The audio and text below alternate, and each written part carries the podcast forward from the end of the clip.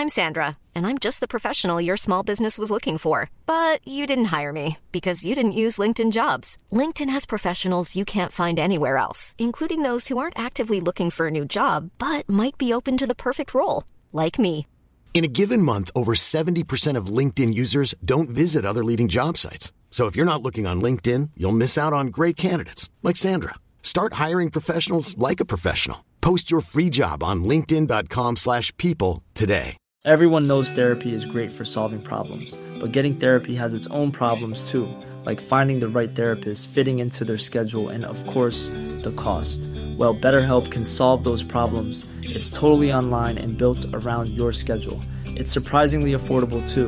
Connect with a credentialed therapist by phone, video, or online chat, all from the comfort of your home. Visit betterhelp.com to learn more and save 10% on your first month. That's BetterHelp, H E L P.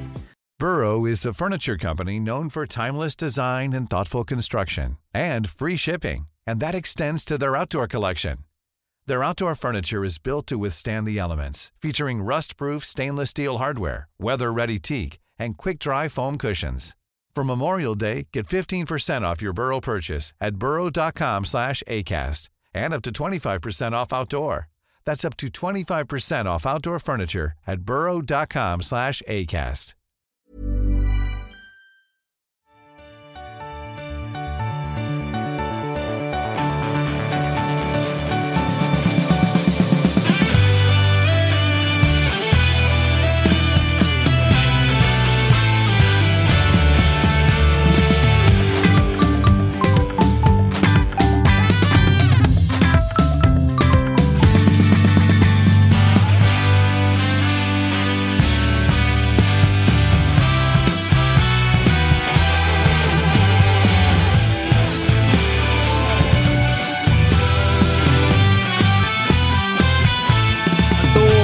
testar vi igen då efter lite sedvanligt fredagsteknikstrul. Totosvenskan är tillbaka igen. Svanemar är inte här för att han fyller år. 35 barre och firar med att vara ute och spela golf. Skräll. Skräll såklart. Eh, stort grattis till eh, vår kära vän Svanen som alltså bastar 35.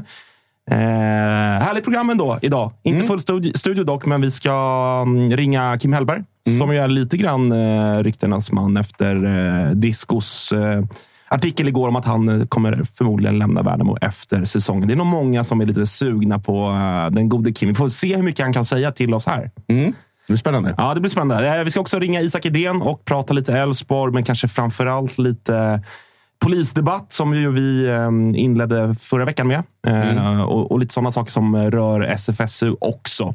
Eh, Men det är lite senare. Peter, tillbaka Jajamän. i studion. Du hejar på BP för de som eh, inte tittar utan lyssnar på det här i efterhand. Hur är läget? Det är fantastiskt. Det är ledig helg. Vi har ju varken allsvenskan eller damallsvenskan i helgen. Så att, vi, jag kan logga ut och strunta i fotboll, höll jag på att säga. Men nästan. Mm, fan vad, eh, vad, Ovanligt. ja, jag skriver under på att det är väldigt skönt med spelledigt.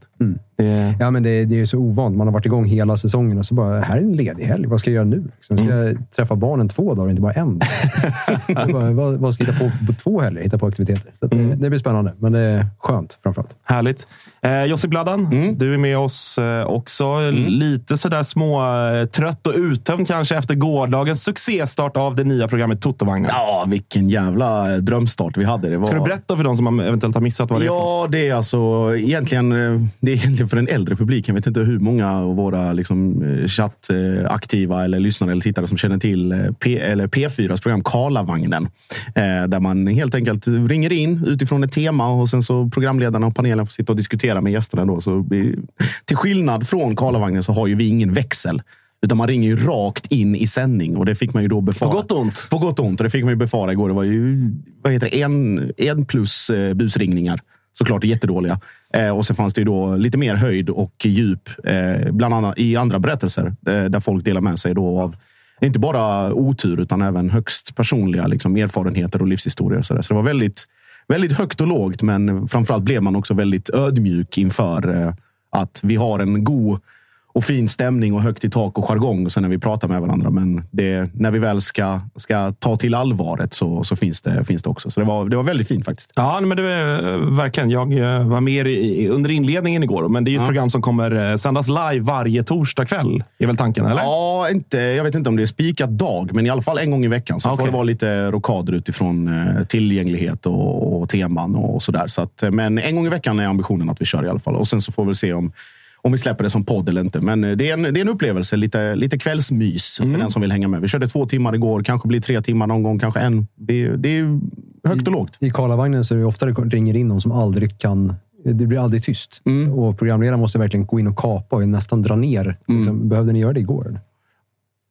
Jag behövde väl egentligen dra ner eh, samtalen där. Det var ju lite kopplingar och liksom, det var ju vår lur och sen var det ju folk som ringde på Facetime rakt in i, i kameran där. Och, ja, det, var väl, det var väl mest för Kalle att hantera allt det runt omkring. Men eh, jag tyckte det var tapper. Debuterade i programledarstolen, Thomas, eh, av olika anledningar. Inte närvarande.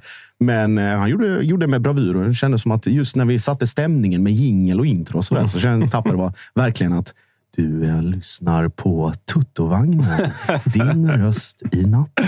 Med mig, Marcus Tapper. Och sen så spårade det ju såklart ut ja, efter, efter 30 sekunder. Så. Där, där kände man ju att sådär, eh, Tapper har ju såklart någon form av barndomsdröm att någon gång faktiskt få jobba på Sveriges Radio. Mm. Men är ju såklart alldeles för problematisk för det. Givetvis. alltså det, det fattar ju vem som helst. Precis. Det är väl därför Tutto finns, eller på att säga. Exakt. Det är för exakt. Alla, alla oss med radiodrömmar som fått dem släckta. Exakt så. Exakt så. Men eh, härligt. En gång i veckan. Eh, kommer ju hittas under Toto Lives feed så att säga, i Precis. diverse poddspelare och, och så vidare. Precis. Eh, men väldigt roligt. Det händer grejer här på Kors 6. Det är ja, fler produktioner och Rule Britannia rullar på. Och, och sådär för de som gillar den engelska fotbollen. Och, och Något för alla helt enkelt. Och så, och så eh, eventuellt då, jag vet inte om vi kör ni Toto Live imorgon? Det gör ni inte va? Det är uppehåll. Eh, Toto Live Weekend mm. rullar imorgon 11 till 13. Jajamän. Mm. Ja, det tar inget uppehåll. Det är bara att hänga på där också. Mm. Eh, mycket, mycket bra. Mycket bra. Mm. Eh, som sagt, vi ska ringa Kim Hellberg och Isak Edén lite senare. Jag tänker att vi ska ta lite annat först från eh, den svenska fotbollen. Det är ju landslagshelg, vilket ju rent, det är skönt, men det är också tråkigt. Det får vi vara ärliga med att säga. Liksom rent i, i förhållande till, till vår kära allsvenska.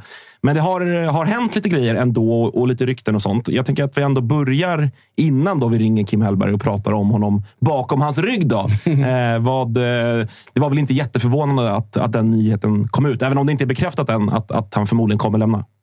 Nej, och det är väl Värnamo har ju de har ju i stort sett säkrat kontraktet. De kan börja blicka framåt och så ser de vad vill Kim? Och Kim kan själv titta. Vad vill jag? Och så det är ett perfekt läge för dem att börja bygga för nästa år.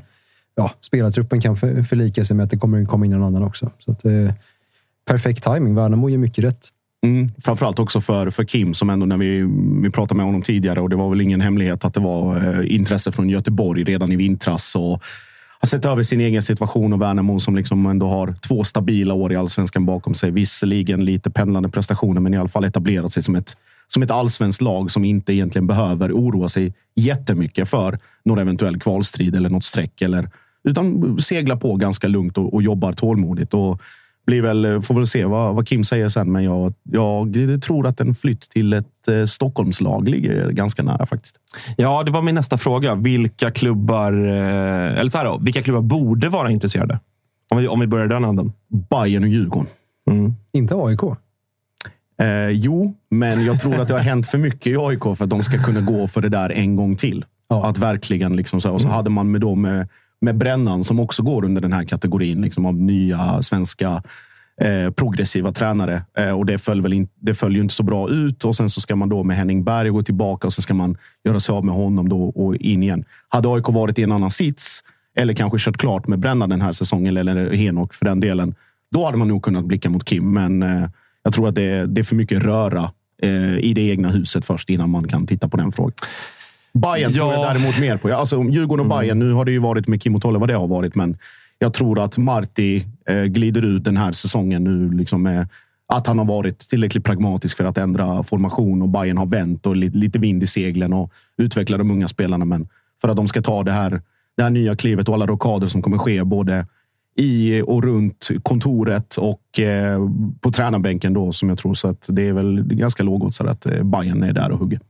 Ja, eller, verkligen så. Jag tror väl att all, alla tre Stockholmsklubbar borde på ett sätt vara intresserade. Men sen som du säger kring AIK så är det ju... Alltså, herregud, vi har ju precis uh, anställt en ny tränare. Sen vet man ju aldrig vad som händer. Det beror ju lite på hur, hur AIKs säsong avslutar sig såklart. Eh, alltså, oavsett Henning Berg eller inte så, så är ju ändå jag... Jag hade varit intresserad mm. som, som, om jag hade varit eh, sportchef i AIK. Så mycket kan jag säga. Mm. Det, jag tycker att han är skicklig och att han också har visat i år. För det är, det är så här, jag kände väl lite efter fjolåret att så här, absolut, jättebra. Men det är en säsong.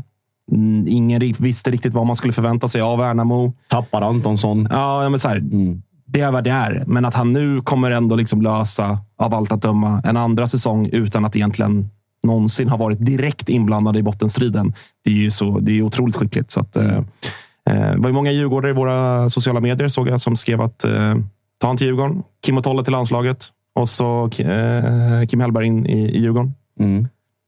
Vad tänk, tänker ni där? Ja, det är inte, inte så, så långsökt egentligen, men det jag också gillar med Kim Hellberg att det är en av, alltså, i, i, min roll liksom, som anställd när jag springer på mycket tränare och sådär, så är han en av de som sticker ut som trevlig och sympatisk, liksom, även på matchdag. Liksom. Mm. Man kan träffa tränare som är jättetrevliga när det inte är skarpt läge, men mm. han kan verkligen vara en sån som beter sig, höll på att säga. Men eh, är jäkligt bra, ärlig och liksom finns, eh, finns till handa och kan komma med bra liksom, var trevlig, liksom, lätt att göra med. Det är så, inte alla som är det. Nej, och det tyder också på någon form av liksom grundtilltro och grundsäkerhet i sig själv och att liksom förberett spelarna på det bästa av sätt. Och samtidigt så i andra intervjuer, eller intervjuer efter matcherna, det är fortfarande trevligt och rakt och det är liksom självkritiskt när det behövs. Och liksom, ja, men nu motsvarar vi inte förväntningar eller jag tar på mig någonting. Men just det här att, att inte låta sig påverka så mycket av stunden utan att mm. det här klassiska trötta begreppet process och tålamod och bla bla bla.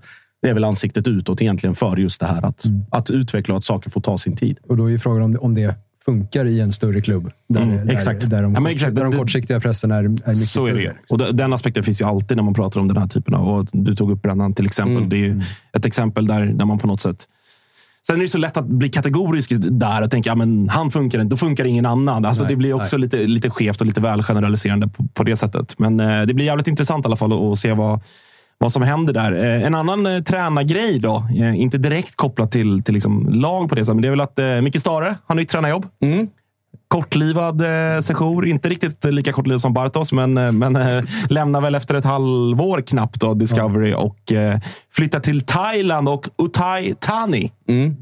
Får basa bland annat över Jiloan Hamad. Ja. Och jag, jag blir inte förvånad om Hamad drar en suck av, eh, jag ska inte säga liksom uppgivenhet, men någon form av så här, ah, fy fan, jag kom till Thailand för att slippa svensk försäsongsträning. och så ska de springa där i 45 grader istället. Med Stare, jag kommer ihåg en när jag jobbade på, på en av kvällstidningarna så var det en träningsmatch mellan eh, Sarsborg och eh, IFK Göteborg. Eh, och eh, pratade med en spelare i Sarsborg efter som var liksom så här, vad, vad, hur, vad tycker du om Stare och hans träningsfilosofi? Han bara, alltså vi tränar 12 pass i veckan. Och bara så här, ja, men, kommer ni göra det under hela säsongen? Han bara, ja, det antar jag väl. Så att det, är liksom det var väl visserligen också kanske en Thomas Berntsen-grej. Eh, säkert. Säkert. Det fanns ju liksom i klubben och, mm. och, så som de har jobbat tidigare. Men just att, att jag vet inte om de eh, spelarna i Thailand kanske kommer vara riktigt redo. Sen tror jag inte heller att Micke Stare kommer att bara liksom ställer upp 12 pass i veckan i dem eh, sammanhangen eller under de omständigheterna. Men de kommer nog få träna betydligt mer och hårdare än vad de kanske har gjort tidigare. Går från bottenlag till topplag. Demontränaren kommer. vem, eh, för att ställa... Eh, eller så här, vem blir, tar över Stares roll? Då?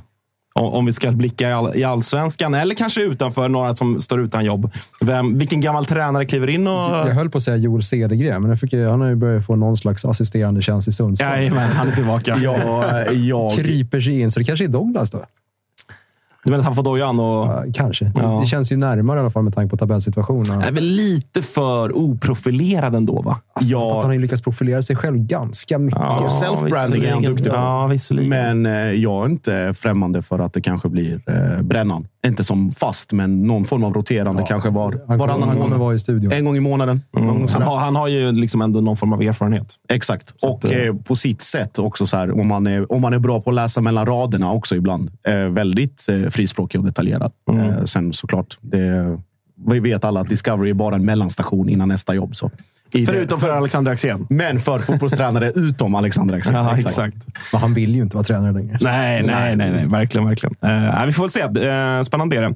Eh, en annan grej som kom här i veckan, det var från uh, Anel Avdic. var uh, svartgul nyhet om Omar Faraj som uh, uppges ha intresse kring sig från uh, Aris i den grekiska ligan vars fönster stänger 11 september, tror jag. Måndag. På måndag. är det måndag? Ja, det är på måndag. Ja. Just det. Eh, och det var ju lite sådär blixt från klar himmel ändå utifrån att man kanske hade ganska höga förväntningar på Omar som inte riktigt har infriats i år. Sen så är han ju fortsatt väldigt ung och, och det går väl ändå att se kanske potential i honom och att man på något sätt gör den klassiken värvar på potential. Eh, Men det, men det har ju delat AIK-lägret lite grann. Då. Om jag börjar med er då, som är, som är utifrån. Du har väl liksom god koll på Omar från hans tid i, i Brommapojkarna. Ja. Eh, vad, hur reagerade du på den här nyheten? Men Min första tanke var väl att det, det just för AIKs del kanske inte är perfekt läge med att Guidetti är borta säsongen ut. Och att, alltså, skulle någon av de andra anfallarna gå sönder så är det ganska bra att ha eh, Omar där. Liksom.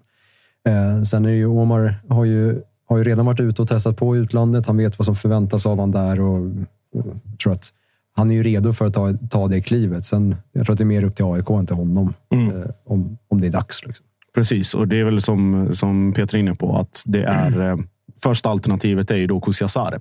Och det är också i det läget där AIK är nu och har han ju visat att det, det finns väldigt mycket där och det kommer säkert alltså bara bli bättre och bättre. Dels ska han hålla sig skadefri, men också den pressen att sätta på en snubbe som knappt har ett A-lagskontrakt i, eh, i det läget AIK är med så mycket på spel. Det är också som, som Peter är inne på, det är en, en balansgång. Kan AIK få pengar som de inte kan tacka nej till, då tror jag de säljer. För att det är liksom likväl man ska bygga för nästa år också. Och då ger det li- ytterligare utrymme att förstärka då om då har man Pittas, eh, Kusiasare om man lyckas förlänga med honom då. Och sen eventuellt en tredje anfallare in i vinter och då John med rehab. Och när han är tillbaka får man räkna in som någon form av bonus. Men återigen, det, det, ska väl, det är rätt, för rätt summa tror jag man släpper. Det, Ja, och det, och det är väl där jag har landat också. Jag har sett, eh, som ofta, väldigt, väldigt liksom uppdelat i, inom AIK i det här. Vissa som, som är sådär, sälj bara. Sälj. Och andra som är sådär, aldrig i livet, inte för några pengar i världen. Just utifrån att vårt fönster är stängt. Vi har egentligen ingen naturlig ersättare. Då är det Kosasare som är nyligen fyllda 16. Sen så kan ju Selina, nyförvärvet, spela som någon form av liksom droppande forward. Kanske bakom Pittas. Eh, men jag är väl inne på att så här, är, är det en, en bra summa pengar? Alltså för, för det ska man också på något sätt ha med sig. Att vi investerade ganska mycket pengar i, i Omar när vi plockade tillbaka honom till, till Sverige. Eh, skulle vi kunna få mer än det, då kan jag nog tänka mig att släppa. Mm. Alltså jag, jag, så han har gjort tre mål. Har haft det ganska tufft. Sen så tror jag att man kan få Omar att explodera. För att det tycker jag att man såg på liksom stundtals, eh, det man såg innan, han till och med i BP, då, även om det var på en annan nivå. Men också under hösten i Degerfors, att det finns... Han är ju en stimforward. Om han Ja. väl får förtroende och får göra lite enkla mål, då kan han vara hur bra som helst. Sen så i ett liksom dysfunktionellt och icke-harmoniskt AIK i år så har det inte funkat alls. Det, det har ju alla sett. Liksom. Eh, men jag, jag tror inte kanske att det är en spelare som kommer vara bärande i att rädda det här kontraktet.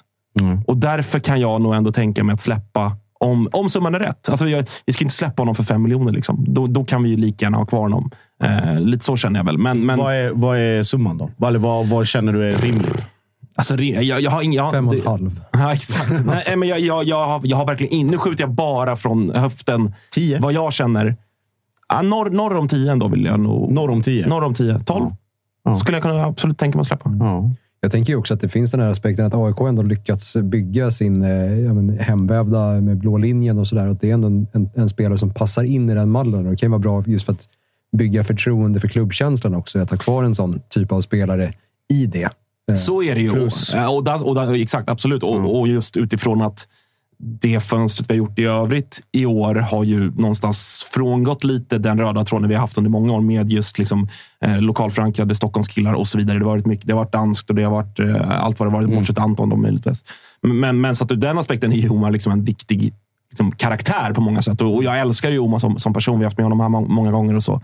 Eh, men tyvärr har det ju liksom inte blivit särskilt bra än så länge. Sen är det hans första säsong i AIK, så, att, så att det, det kan ju förändras. Ja. Men eh, du får, ja. du får hjälpa mig här, men det är väl också så här. Ska man släppa, då blir det ju också så här om man ska hitta någon. Nu har man, fönstret är ju stängt, men du kan hitta kontraktslösa spelare, vilket också är en chansning. Mm. Men också den här eh, utlänningskvoten. Jag vet inte om den börjar fyllas på sakta men säkert i AIK, men det börjar väl bli ganska, den är, den ganska många. 12, den 12 jag tror att den, den är fylld. kan den är fylld. fylld nu i och med Selina. Ja. Ja. Uh, I och med att också inga, inga gubbar liksom 16 till 150 har ju velat lämna AIK, så att alla de där jävlarna sitter ju kvar på sina och ska, du, och ska man då plocka fram Fesaye från frysbox när han inte har rört bollen på, på tre, fyra månader? Det är, Nej, det, också, det är det ja. som är risky. Det är det som är det höga spelet i det här. Att mm. säga att här, i den allra värsta världen, vilket jag på något sätt eh, lever och frodas i det, det här året, så, så, så, räknar man väl med att Pittas drar väl baksidan på någon träning här.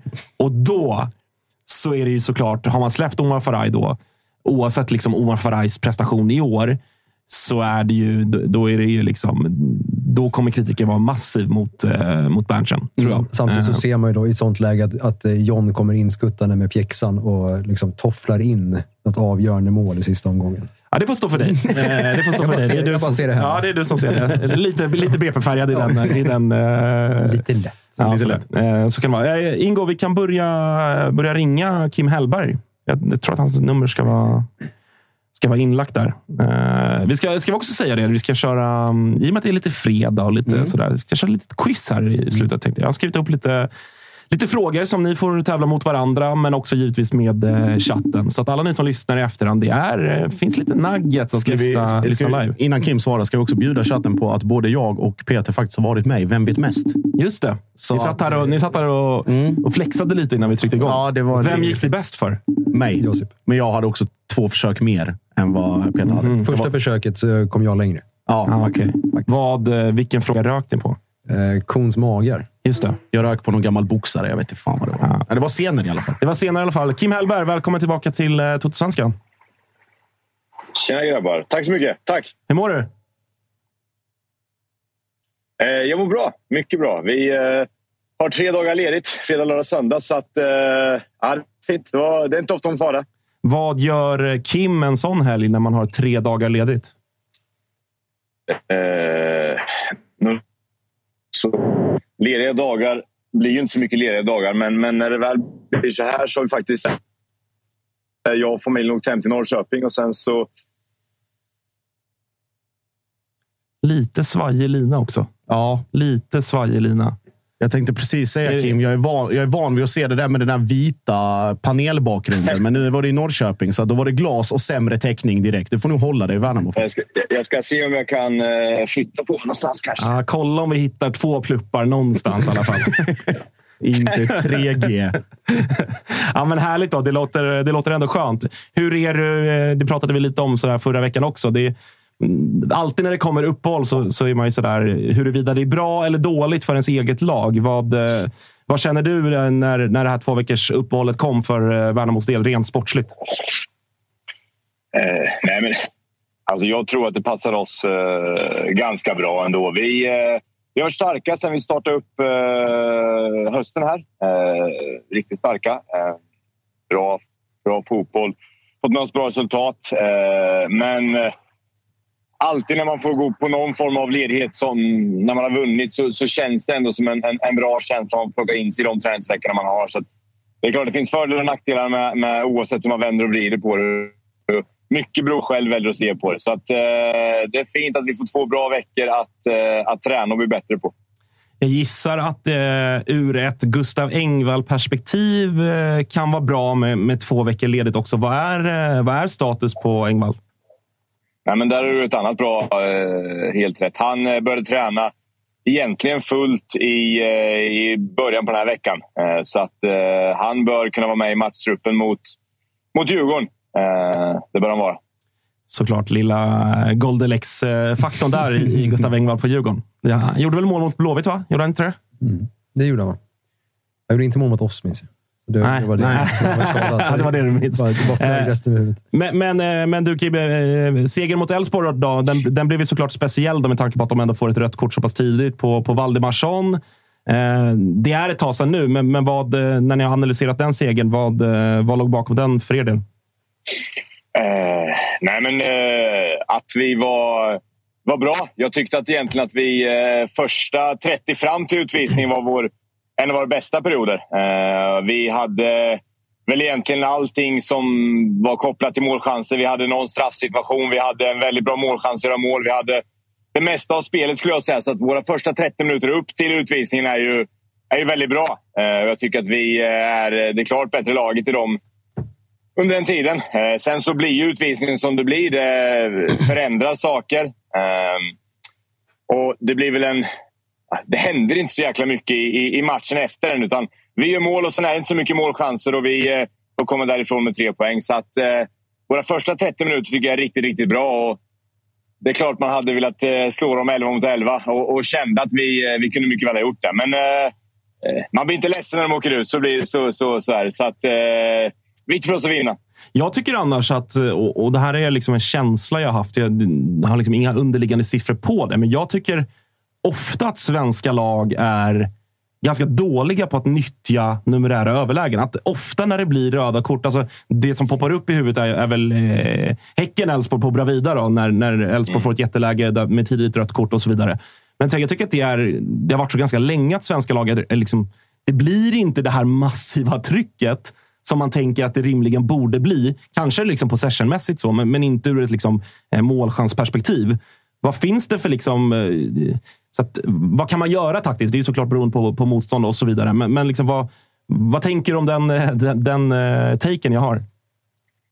Nej, men jag, jag tror att den stämmer lite överens med lite svensk fotboll överlag. Att det är mycket riskminimerande för många lag i svensk fotboll. Det är det man vill göra för att det är det absolut lättaste sättet att på kort sikt liksom eh, vad ska man säga, få resultat. Eh, det, det svåraste som finns i fotboll är att möta elva spelare som backar hem och sen får de stora ytor att kontra på. Så att, jag tycker att det går in lite i, i den, eh, den svenska fotbollen jag ser ganska mycket nu. Att det är många lag som eh, eh ja, men, har snabbt till att ta till riskminimerande fotboll. Och det är såklart när man blir tio spelare istället för elva så blir det mer accepterat att, att göra så. Att, att få kontra eh, på väldigt stora ytor, eh, det är klart att det är lättare än att eh, möta elva spelare som spelar lågt försvarsspel hela tiden. Så att, det är ju en del i den svenska fotbollen att klara av att bli riktigt bra och kunna skapa målchanser mot lag som ja, men mest ser till att försvara. Liksom. Var det, där, var det där en känga till Jimmy Thulins Elfsborg? Det är så jävla lätt att kontra. Nej, absolut ingen känga till, till Jimmy. tycker jag är en av de som gjort fantastiskt bra. Men mer, mer tycker jag allmänt att det, det, det är lätt att eh, hamna i det läget. Och, eh, klubbare och eh, snabbt till att ta till den riskminimeringen. Snabbt vi ska eh, försvara istället och vi ska köra i våra block och, och, och så. Jag tycker det är eh, en utmaning vi har i svensk fotboll idag. Att det är många lag som väljer den vägen. Eh, och... Eh, ja, sen så, så är det klart att man får välja vilken väg man vill. Eh, och, och, och, Det är ju viktigt att göra den. Och jag tycker mer att Elfsborg ser mer som ett väldigt offensivt lag där deras pressspel alltid egentligen är, är högt upp. Så att jag ser dem inte som ett lag som, som kontrar på det här sättet. Utan de går ju upp och har ett av de bästa pressspelen i, i eh, svensk fotboll högt upp. Eh, sen att de är raka när de väl har bollen, ja, men det kan jag också gilla om man har idéer för det. Så att Elfsborg är väl ett av, av få lag jag ändå tycker liksom är, är offensiva i sin, sin prägel ändå. Eh, Kim, jag går tillbaka till den perioden där ni hade innan utvisningen och när Albion Ademi framförallt får ett ganska bra övertag på André Boman och, och trycker på på den kanten. Eh, du har pratat om honom tidigare och att liksom hans kvaliteter har kommit fram mer och mer under säsongen och så vidare. Vad är det i hans spel som du tycker som har varit liksom där han verkligen har fått, om vi säger, poletten att trilla ner? För man vet att om vi tittar på Djurgården tidigare, ma- han vill mycket. Det händer inte så mycket. Liksom det, han får inte ut det han, han är kapabel till. Ja, men Al- Albion är ju en... Eh, alltså, man, man, man älskar den killen, men Albion är ju en spelare som behöver otroligt mycket hjälp vid, på ett bra sätt vid sidan av plan med att veta vad han ska förhålla sig till, att få återkoppling, att få enormt mycket tydliga ramar, att få mycket klappar på axlarna, att få mycket kärlek, att få mycket eh, vad ska man säga, feedback på vad han gör kring väldigt många delar av sitt spel. Men sen har ju han någonting som han tillsammans med, tycker jag, Tali är ensamma med i svensk fotboll just nu. Att den där en mot en förmågan i att vilja dribbla, i att kunna dribbla, att kunna ha den farten, att kunna skapa saker själv mot många spelare.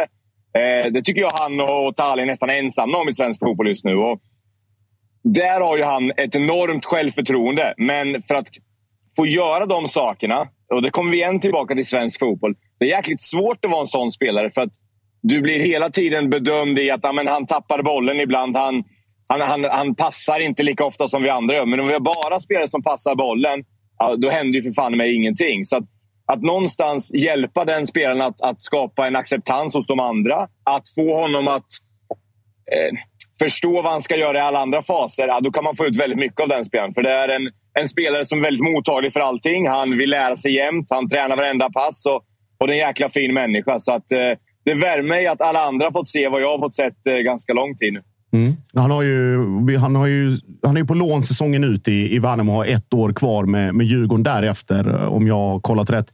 Eh, du har inte lyft frågan till Enes om att eh, ta det till en permanent lösning?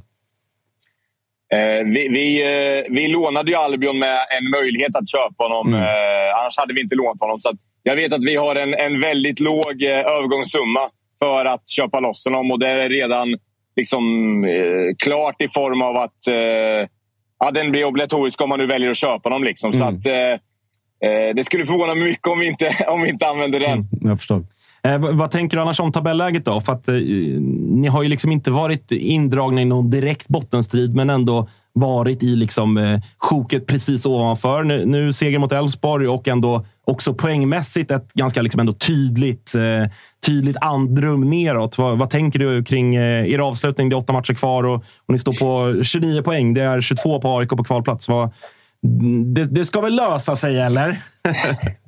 ja, men det, det, är en sån här klassiker att, att, att utifrån så, så, så är det lätt att, att, att, säga att det känns som att vi har tagit till många poäng för att lösa det över de åtta matcher som är kvar. Men när man väl är inne i det så känner man fortfarande att vi behöver eh, en del vinster till för att känna oss trygga i det. Jag tycker att det är en jämn serie. Det är många lag som är jämna, eh, och, och vilket gör att känslan är att det kan komma två, tre vinster i rad för vilket lag som helst. Så det finns fortfarande såklart en, en, en form av oro att man eh, eh, ska hamna där ändå. I liksom för att saker kan hända, saker kan...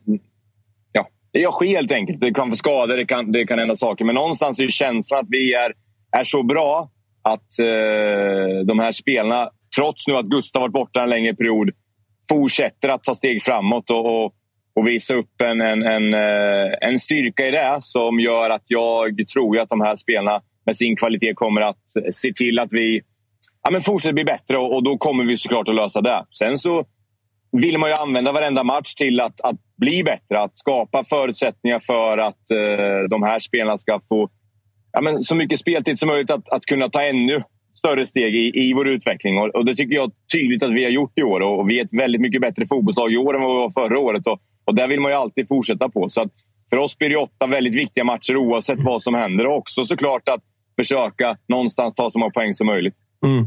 Annars, eh, den stora snackisen kring, eh, kring Värnamo, kring dig, eh, blossade upp lite grann här i, efter gårdagen där Sportbladet skrev att eh, du troligtvis kommer att lämna Värnamo efter säsongen. Enes fick bemöta det här också. Nu är du med här. Vad, jag förstår att det, liksom, det är mitt under säsong och så vidare, men vad kan du, vad kan du säga om det? Ja, men, eh, alltså, jag har ju sagt att jag ska alltid försöka vara så, så ärlig med allting som möjligt. Så jag försöker vara det även här. Men, men för mig så, så, finns det ju... Någonstans så, så pratar vi tränare till spelargrupper, till, eh, till media, till allting om att man ska ha ett, ett, ett tålamod med oss och att man pratar om processer och allt möjligt. Jag skrev på ett tvåårskontrakt när jag kom till Värnamo, vilket var väldigt viktigt för mig att, att, att följa. Sen kan ju alltid klubben man har välja att bryta det, men, men för mig har det varit väldigt viktigt eh, att, att, att fullfölja det, att tro på det projekt och stå för det jag pratar med till spelarna. Eh, så det har ju varit nummer ett för mig och, och målsättningen att, att följa de två åren som är. Skulle jag hamna i ett läge där jag skriver ett nytt kontrakt med Värnamo så har jag såklart för avsikt att fullfölja det. Eh, så, så fungerar jag som människa och där, så vill jag vara. Nu går ju kontraktet ut vilket gör att och Det var väl egentligen det som stod i artikeln, att, att kontraktet går ut. Och, och, och det, har man, det har ju funnits eh, tillgängligt länge. Så att egentligen var det inte så mycket information som, som kom ut. utan jag har precis drömmar som, som alla andra. Att jag vill komma så, så långt som möjligt. Jag vill, eh, jag vill vinna SM-guld. Jag vill vara i föreningar som, som kan göra det. Och jag vill komma utomlands om, om det är möjligt. Men vet att det krävs ett himla stort jobb. Så mm. Någonstans är jag nu i, i, ett läge där de två åren jag haft har varit fantastiskt bra. Och, och, och där är vi nu. Och, och, sen så har jag fullföljt det som, som vi kom överens om och som jag skrev på för. Och så får man se hur jag och vi går vidare därifrån.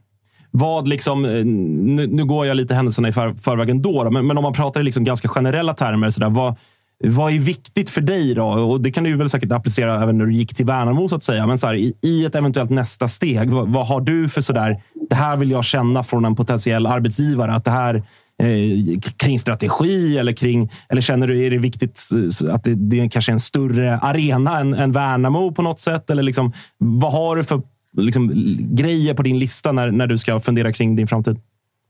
Ja, nej, men det, är, det är en jättebra bra fråga. Och, eh, någonstans för mig så är jag... Alltså jag vad ska man säga utan att... Jag, fotboll är ju liksom så stor del av allt tillsammans såklart med min underbara fru och min son som är här bakom hörnet så att de hör det.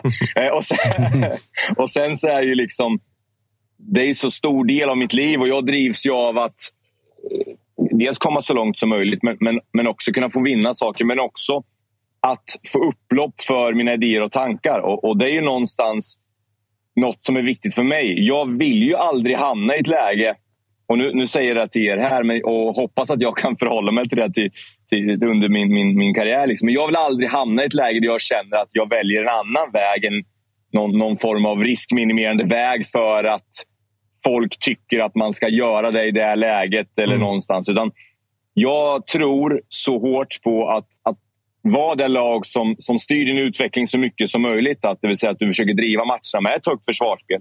Med att ha bollen, men också någonstans såklart skapa saker av det. Eh, att den någonstans målsättningen ska få ges upplopp för i den klubb jag skulle i sådana fall hamna i nästa steg. Sen om det blir om ett år eller två år eller om det händer efter efter det här året, det vet jag inte. Men det är viktiga delar för mig för att jag ska kunna vara den bästa eh, versionen av mig själv också. Så det värderar jag väldigt högt, att, att det är någonting som den, den klubb som jag någon gång eh, i framtiden eh, kommer hamna i förhoppningsvis delar de delarna och bitarna. Annars, annars finns ju jobbet som Stares efterträdare som expert på Discovery ledigt nu, va? ja, man, man, man, vet, man vet ju såklart aldrig, men, men jag tror att Ja, ett par år bort kanske. exakt. exakt. Jag, jag har ju redan mentalt visualiserat dig på Årsta, eh, Kim. Med tanke på vad, hur, eh, vilken väg Bayern ska gå framöver och hur det har pratats med, med Marti och sådär. Eh, har du, har du vågat tänka de tankarna på att eventuellt hamna i någon eh, allsvensk klubb högre upp i tabellen? Men jag har faktiskt inte, inte tänkt... Alltså nu låter det, men, men jag har faktiskt inte tänkt så riktigt. Det är klart att jag... Alltså när man är i det här så lever man så mycket inne i det. Och Jag träffar mina spelare och mina ledarkamrater varenda dag vilket gör att det är väldigt svårt att visselera sig någon annanstans när man är inne i en process som man tycker är så rolig och, och gör också eh, en, en fantastisk ledarstab i Värnamo som jag jobbar så hårt med varje dag. Så någonstans så lever man i att man vill driva sig själv framåt hela tiden. Och då är det svårt att tänka sig någon annanstans. utan Då tappar man så mycket där man är. Och jag trivs något enormt bra med den ledarstab jag har, de spelarna jag har. Och återigen så vill jag vara den människa som... Jag är där nu och jag vill göra absolut bästa för, för, för de som finns. För att också såklart att, att det här ska hjälpa mig att utvecklas. Så att, eh, ett ärligt svar på frågan är att jag har inte visualiserat så mycket överhuvudtaget. så. Mm. Ja, spännande. Vi satt här innan vi ringde dig och spekulerade lite vilka som borde vara intresserade och så landade väl i att eh, det finns kanske till och med tre klubbar uppe i Stockholm som, eh, mm. som borde, borde visa intresse. Jag som gnagare satt ju för ett år sedan drygt och, och, och pratade med en annan fotbollstränare och sa att fan, det vore kul att se dig i, i mitt kära AIK. Han blev ju himmelsblåsen, så jag Just. säger ingenting Kim, utan jag säger bara trevlig helg. Tack för att vi fick ringa till dig. Det är alltid lika trevligt att, att höra från dig och lycka till här framöver. Tack så jättemycket. Ta hand om er. Vi hörs. Detsamma. Detsamma. Ciao. Ciao. Hej.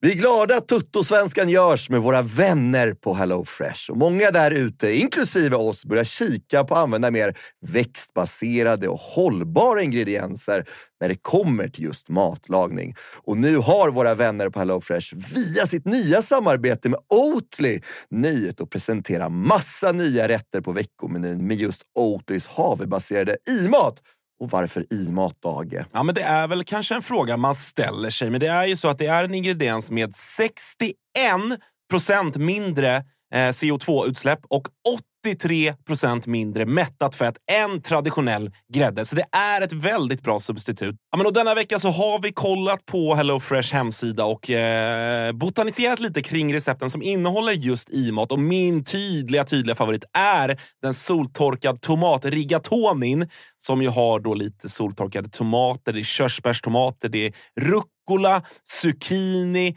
riven ost Ja, men ni hör, en väldig massa smaskiga grejer som blir en krämig pasta. Just att använda rigatonin, Freddy, som jag vet att du gillar också, som just suger upp all den här såsen. Mm, den är en favorit hos mig. Verkligen, och jag gick faktiskt händelserna i förväg och testade redan förra veckan deras medelhavsinspirerade räkgryta med just i matsåsen och sen lite, lite, lite fint långkornigt ris. Eh, och Agge, vi har ju som vanligt en kanonkod också med våra vänner på HelloFresh. Den, den, den, den hoppas jag folk kan nu. Ja, det är ju Fresh Tutto. Du får upp till 1359 kronor i rabatt på dina fem första kassar om du inte har prövat HelloFresh ännu. Plus fri frakt på den första matkassen. Och det som är så bra, har du inte använt HelloFresh på över 12 månader så gäller koden även dig. Så gå in på hellofresh.se och lägg en beställning på en riktigt fin matkasse redan nu. Testa HelloFresh, testa Oatlys i-mat. Vi säger stort tack HelloFresh! Vi är sponsrade av eh, MQ, August. Eh, Mm. Det har varit, eh, vi har gått nu hela säsongerna. Först vinter och sen så förvår när man ska ha overshirts på sig. Man kanske vill ha en liten fleece. Och nu äntligen är försommaren här. Och då kommer också Dobbers nya sommarkollektion som de kallar för Sunset Horizon Club. Den här spången är inspirerad av surfen. Just det. Det, det, det är väldigt... så här, Om, Vad har du för relation till surfen? Ja, men stor relation. Varit i Brisbane eh, ser. och eh, där är mycket windsurfing. Sen så ner till Byron Bay där, där jag testade på vågsurfing. Och sen höll jag på att stryka med på, eller utanför Kota Beach då, när det kom en sju meters våg och tog mig. Ja. En minut och 30 sekunder senare så hittade jag upp till någon slags yta, skrapsår överallt. Den här kollektionen är då inspirerad av eh, surfen. Det kan man se i silhuetterna. Det är väldigt trendy att eh, gå i lite mer raka silhuetter nu för tiden. Du gillar den? Ja, men jag gillar den. Eh, jag tänker att vi kan prata lite om de olika nyckelplaggen som ju finns här. Det är ju eh, knälånga shorts till exempel. Skjortor med print och lite brodyr i lite olika färger som jag tror kommer vara ett eh, stående inslag på inte bara Stockholms gator utan Sveriges gator när sommaren kommer. Vi har också en hel del overshirts till de lite ljumna sommarkvällarna. Sen så gillar jag en trend som har kommit som också hittar in i Dobbers eh, sommarkollektion här som är sets med både shorts och overshirt. Exakt. Kortärmad overshirt som man Mm. kan gå, gå runt i. Jag, jag gillar det. Så är det. Och även eh, linnet. Det är mycket olika typer av eh, texturer och material i den här kollektionen. Linne står sig fortsatt starkt, men det finns också en eh, he- hel del tencellskjortor och, och annat. Bomullsutmanaren Tencel. Ja. Om ni inte har testat det så kan jag rekommendera. Väldigt mjukt, luftigt, härligt. Ja, men så är det. det finns någonting för alla. Hur gör man då för att handla det här, Thomas? Jo, man går in på mq.se eller så besöker man sin närmsta MQ-butik. Eh, där hittar man ju såklart eh, Dobbers sommarkollektion som alltså heter Sunset Horizon Club. MQ.se eller någon av butikerna. Vi säger stort tack till MQ. There's never been a faster or easier way to start your weight loss journey than with Plush Care.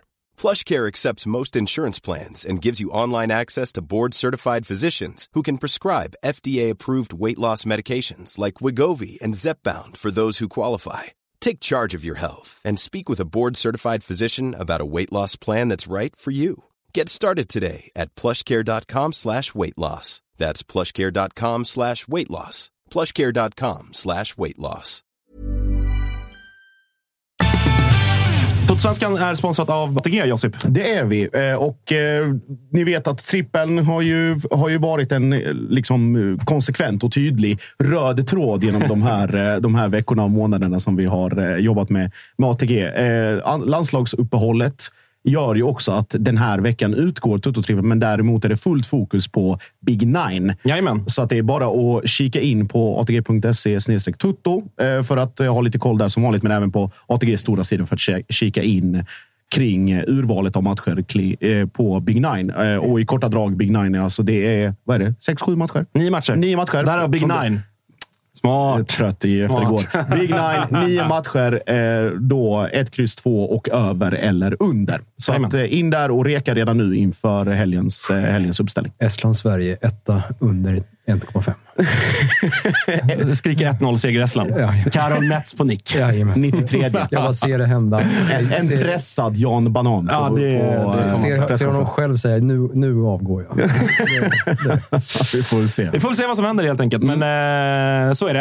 Eh, ska vi ta lite BP då, Peter? Vad kul! Ja, vi, eh, vi satt ju här i... På det, tal, på tal om landslaget. Då. Exakt, på tal om landslaget. där. eh, Ja, ska vi, kan börja där faktiskt. För att liksom lite positivt från, från mitt håll gentemot eh, ditt kära BP. Då.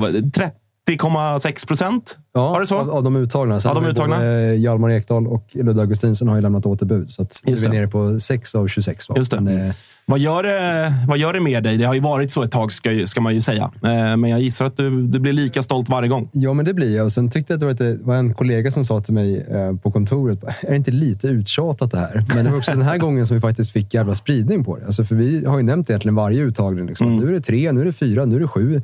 Och sen nu när det var åtta, vi går ut själva med att säga att det är 30,7 procent. Eh, då var det som att det fick lite fart. Eh, så att det är ändå media började plocka upp det. Så att det var, det var ändå så att det blev en snackis. Det blev en, ett, ett kvitto på att vi faktiskt gör någonting rätt. Och det häftigaste är att sex av dem började också spela fotboll i BP. Alltså de moderklubb BP, inte bara liksom, Kom inte hit när de var 12. Utan, Ja, alltså Karlström och Gyökeres kom in senare, men de andra började ju spela. Liksom första, första bollarna de rörde var i BP, förutom hemma. Då. Men det, var ju, det, det är ju det som är det, det häftiga i det. Och, Om du, om du eh, kollar i spåkulan, vad har du för, eh, eller vad har vi då som, som landslag för, vad har vi för kommande BP-produkter som kommer eh, spela i, i landslaget de, de närmaste åren? Ja, men, eh, en som är u nu är Daniel Svensson. Eh, också så här, kom- Nordsjälland nu? Nordsjälland är han i, idag. Eh, borde väl vara liksom en av de som står på tur att kliva vidare. Sen är han liksom, det är en sån här spelartyp som inte är... Det är inte så mycket fart och fläkt och flärd, liksom. men det är liksom kompetent, duktig fotbollsspelare som gör hjärtligt mycket nytta i Nordsjälland. Så han kommer nog kunna plockas upp någonstans. Eh, Så det är den som är närmast så. Men ser man rent här, utvecklingspotential och det kan gå fort så är ju den som kom in nu i somras, kom tillbaka till BP, det är ju Zidane Nusa. Så han är ju... Någonting har ju hänt i, i, i vår offensiv när han kommer in och gör sina minuter. Eh, Smällde in eh, dubbla kassar mot Varberg, eller? Nej, ett, ett mål. Ett mål. Så gjorde han mål mot Kalmar också. Så var det, så var det. Eh, Och så gjorde han också mål i kuppen mot Roslagsbro. Så han har ju tre raka matcher med mål. Det är inte många andra som har. Vad, vad, vad är det för typ av spelare då, för de som inte har eh, liksom, snappat upp honom än? Ja, men det är en offensiv, alltså är, alla offensiva spelare nu kan ju nästan användas överallt. Liksom. Det är inte en renodlad nia, utan kanske utgår han har väl spelat nia, väl? Han har ju startat som nia, Ja. men han kan också utgå från kant. Och, alltså, vi, vi, vår offensiva trio är ju rätt flexibel nu också. Så det, det är...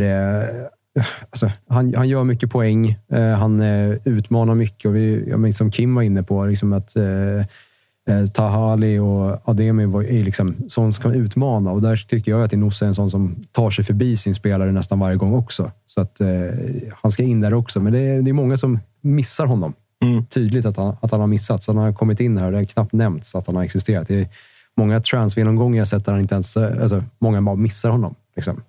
Eh, så på ett sätt är det ju bra, men eh, jag vet ju att eh, våra, vår sportsliga avdelning har ju börjat få samtal om det. Eh, annars eh, behöver inte stanna för länge där kri- kring Varbergsmatchen, men det blir ju ändå... ja. Eh, alltså det, det är så här, vad, vad fan hände? Jag, jag såg delar av den. Det var ju en, en, under en fu- fullspäckad eh, söndag med, med betydligt större matcher. Då. Men, men att åka ner i det läget, där man ändå kommer från en ganska tung period. Och så någonstans, det är klart att inte Olof och Engelen pratade i de termerna och så, men, men så här, ja, ja, nu har vi åtminstone Varberg. Nu ska vi studsa tillbaka till, till vinnarspåret igen. Mm. Och, så, och så gör man den blixtvändningen till 2-3, men ändå lyckas tappa till, till 4-3 i, i slutet ändå. Vad, vad, vad tänkte du som, som såklart eh, följer den här matchen? Eh, ja, jag var ju... Verkligen, vi har ju 1-0 i åttonde minuten och då tänker man att ja, men, ja, bra. Det här kommer rinna iväg nästan. Ja, nej, inte så. Men så att för, likt, likt Varberg inledde bra mot AIK Mm. eh, veckan innan, så var det så att ja, men okej, de inledde bra mot oss, men vi gör ledningsmålet. Nu kommer Varberg liksom, hårt sagt logga ut. Eh, sen lyckas de vända till 2-1 och man tänker okej, men fan, bara vi får in 2-2 så kommer vi städa av det här, hårt sagt. Men, och så gör vi ju, vi gör ju 2-2 och 3-2 på, ja, men inom två minuter. Alltså det går ju fort för oss att vända. Och då tänker man, nu, nu är det Nu klart. då? Fan, men okej, det var, jag hade lite puls här, men nu, nu redde vi ut det här. Men, nej, det, var, det kändes lite också mentalt att var många, alltså att spelare framförallt, alltså att Olof och Andreas skulle säga någonting om att eh, gå ut och spela av det här. Det skulle ju aldrig hända, men att det kändes lite som att det var spelare som tog det lite för lätt på uppgiften. Mm. Det, det funkar ju inte i ett sånt här läge vi är i. Nej, hur, eh, om om vi tar det större läget då. För att det är ju, även om så här, det, herregud, ni, ni, ni har liksom tryckt in några segrar. Ni slog ju Halmstad i den enormt viktiga matchen på hemmaplan. Övertygande dessutom. Och så, och så Bayern lite tidigare på sommaren. Men det har ändå varit i takt med att ju lagen bakom ändå har tagit fler poäng än vad man gjorde under våren. Så är det ju ett ganska prekärt läge trots allt. Vad, vad tänker du med, med åtta omgångar kvar? Eh, men att det är så att vi har ju tagit försvinnande lite poäng mot bottenlag och vi har nästan bara topplag kvar att möta. Så att då är det då vi börjar ta poäng igen. Det är hoppet jag håller Mm. Så kan man ju se det. Jag håller hårt i det hoppet i alla fall. Men det är klart att eh, hade vi inte släppt in mål eh, plus 87 så, så, i den utsträckning vi har gjort så hade vi varit och nosat på Europaplats. Det är ju lätt att säga i efterhand. Vad, vad beror det på då? mycket bra fråga. Jag önskar att jag hade bara ett konkret svar, men jag tror att det finns, eh, finns ett visst mått av koncentration. Att, alltså att eh, reda ut det här och bara bli de här sista cyniska delarna. Att nu får vi bara lösa de här poängen, ta hand om dem och så tar vi kväll sen. Liksom. Att, eh, det kan vara lite, lite avslappnat och tycka att man känner sig överlägsen. Man, har, man är inne i ett stim själv och tycker att det går bra och sen slutar man göra de enkla sakerna eh, för att reda ut och ta poängen. Vi, vi, ska vi rabbla schemat en gång till? Eller? Dra schemat. Vi drar schemat för de som Sen inte går jag in på, jag tänkte fråga om fönstret. Mm. Ja, men vi, vi tar schemat. Ja, jag ska... Ta, ta en klunk, Ja. en klunk eh, dricka. Eh, Blåvitt borta, Peking hemma, Malmö borta, Elfsborg hemma, Sirius borta, Djurgården hemma, Mjällby borta och Häcken hemma. Jag börjar, jag börjar, Vamos. ja, jag- börjar till dig då, Josip. Vad, eh, Nej, Jag, jag fick nästan puls. Vad, vad säger du? Eh, för att använda den extremt eh, trötta klyschan. Ser det här som en, som en utmaning. Det är nio finaler och hela den grejen. Nej, ja, alltså det är såklart det är otroligt tufft, men samtidigt det är så här.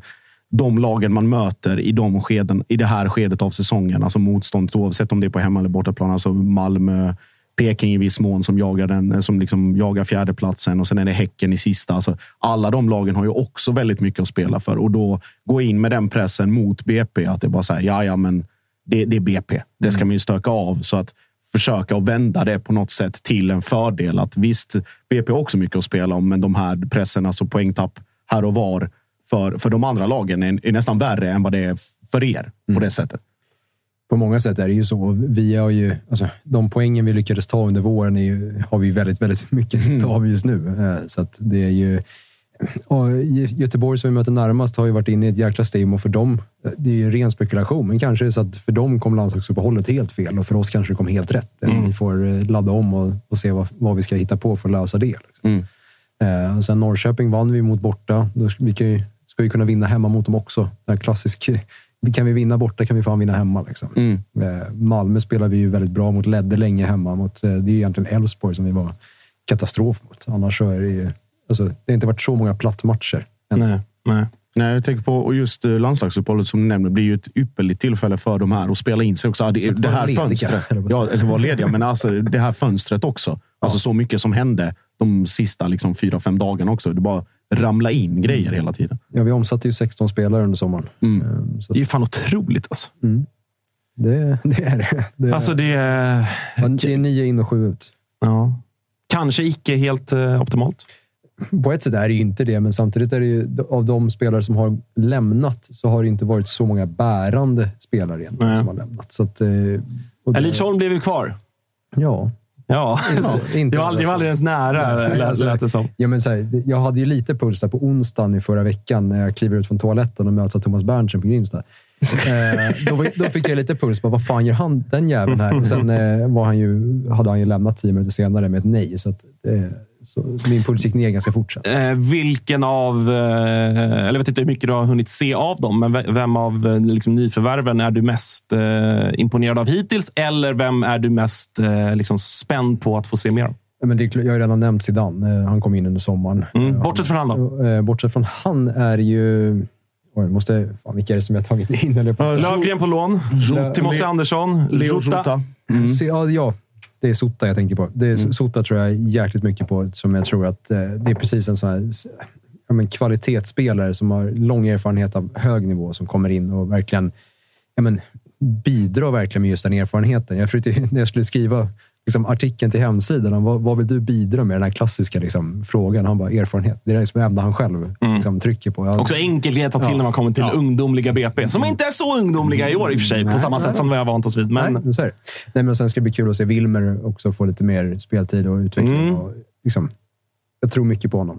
Just med, med det blir väl också viktigt just att han säger erfarenhet, men det är ett par andra spelare som också kanske inte lika, lika starkt CV som Jota med det, all, alla de utlandsklubbarna han har varit i. Men liksom Agardius som inte blev det man trodde han skulle bli. Mm. Kalisir som säkert bidrar, men också inte har varit någon supercentral figur på det sättet att det verkligen är någon som där det förväntas erfarenhet, men som också levererar den rutinen.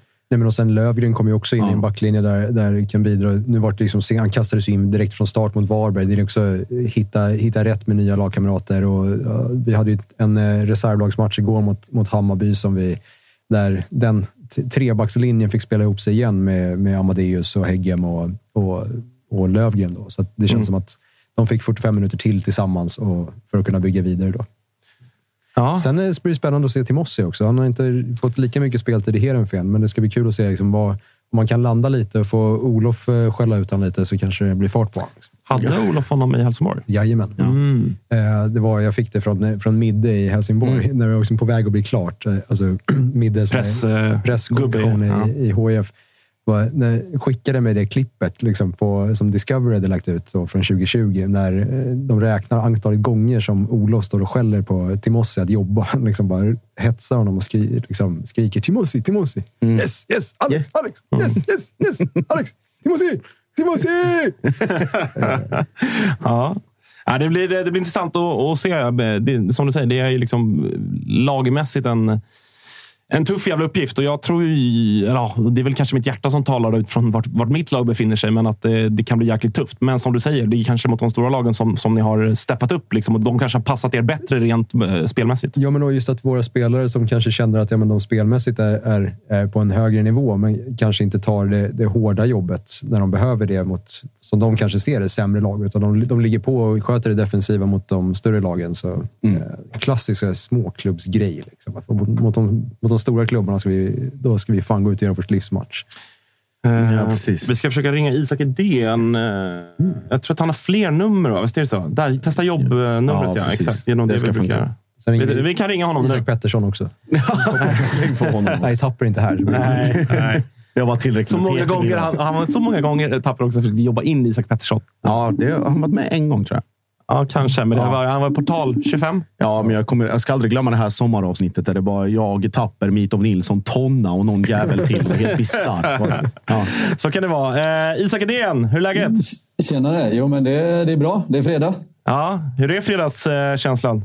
Ja, men det, jag tycker det är rätt skönt med uppehåll, måste jag säga. Det är gött att ha en helg. Man får vila lite inför, inför det som komma skall. Så att, eh, det är bra, tycker jag. Är det, påverkas det av att ni eh, åkte på pumpen mot mäktiga jävla Värnet? Eller är det bara allmänt att det är skönt att ladda batterierna inför eh, eh, sista guldruschen här under hösten?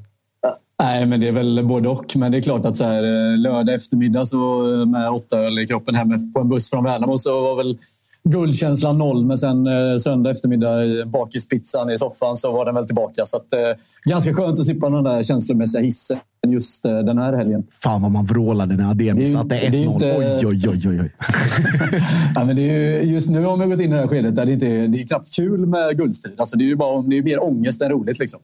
Ehm, så att, ehm, ja, det vänder väl någon gång framåt slutet kanske. Ja, hur, hur är liksom, eh, som, som du hörde och, och som du ser, så har vi ju den ödmjuke Josip Ladan sittandes i studion som fortsätter helt övertygad om, om himmelsblått SM-guld. Hur är det nere i, eh, i Borås? Då? Sjungs det fortfarande guldramsor eller har ni liksom tonat ner det lite grann? Eh, nej, men de eh, sjungs ju fortfarande. Jag såg någon sån eh, obskyr eh, Twitter eh, ja, med datarobot som tog fram procentuellt eh, chans på SM-guld. Och då, hade vi ju, då gick ju vår chans upp 8 procent i helgen. Eh, så nu hade vi 66 procent chans eller någonting sånt där på guldet. Så att den tar vi ju rakt av. Så Men det är för att Häcken är borta. Ja. Jobbar mellan två lag. Antagligen. Fast kanske. Malmö gick ner 9 procent, så att, eh, det var 17 procents diff i den. Så att, Ja. eh, den, den tar vi ju. Fan, jag vad har gott. ingen, ingen aning om datan här, men eh, vi tar det. Fan vad gott så att det kommer Jocke. fortfarande guldramsor. Ja, fan Jocke mådde bra den här 2-2 och sen så har han mage att sitta och säga att de blev rånade också. Det är så bisarrt så klockorna stannar. Ja. Nu, nu var det ju inte Göteborg vi skulle prata om primärt, Nej, utan, precis. utan vi, släpper, vi släpper Blåvitt. Men, men vi behöver inte prata så mycket om matchen tänkte jag, men, men eh, rent sportsligt, om vi börjar där. Vi ska ta lite andra puckar med dig när vi, när vi har dig på tråden. Men eh, oroväckande kring eh, Bernhardsson, visst är det så? Det är eh, någon form av eh, skada där. Vad, vad kan du säga där?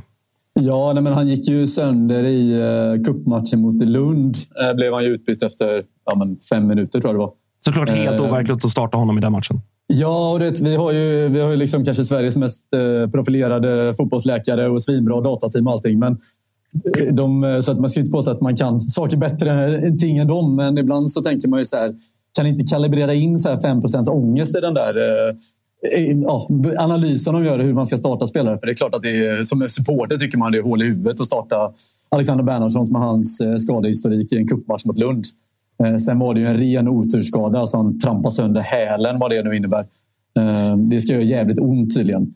Eh, Men han går på kryckor och det skulle komma någon ny, ny analys på måndag så klubben vill inte säga någonting än. Så det låter ju lite oroväckande måste jag ju säga. Ja, alltså du går på kryckor den 8 september. Det, eh, det, utan, jag är inte heller läkare. Åh Åh fan. Eh, men, men det, det låter ju onekligen liksom som att det, han kommer inte spela nästa vecka kanske i alla fall. Nej, det är väl troligt. Så att, sen vet man ju inte. Det kan ju vara någon försiktighetsåtgärd och det går bra. Men det är klart, vi har ju sett det förut att även om han skulle komma, alltså vara speltillgänglig så tar det ju någon vecka eller två innan man är tillbaka i någon slags eh, matchform eller toppform. Så att, eh, det är ju oroväckande, men det, det, därför kändes det ju ändå lite tryggt nu mot Värnamo att Simon Hedlund ändå såg så pass bra ut som han gjorde den halvtimmen han fick på sig. Eh, så det känns ju ändå som att vi har täckning, men det är klart att Alexander Bernhardsson i toppform är ju allsvenskans, ja, en av allsvenskans absolut bästa yttrar. Så det är klart att det hade mått bra av honom i, i storslag inför guldstriden.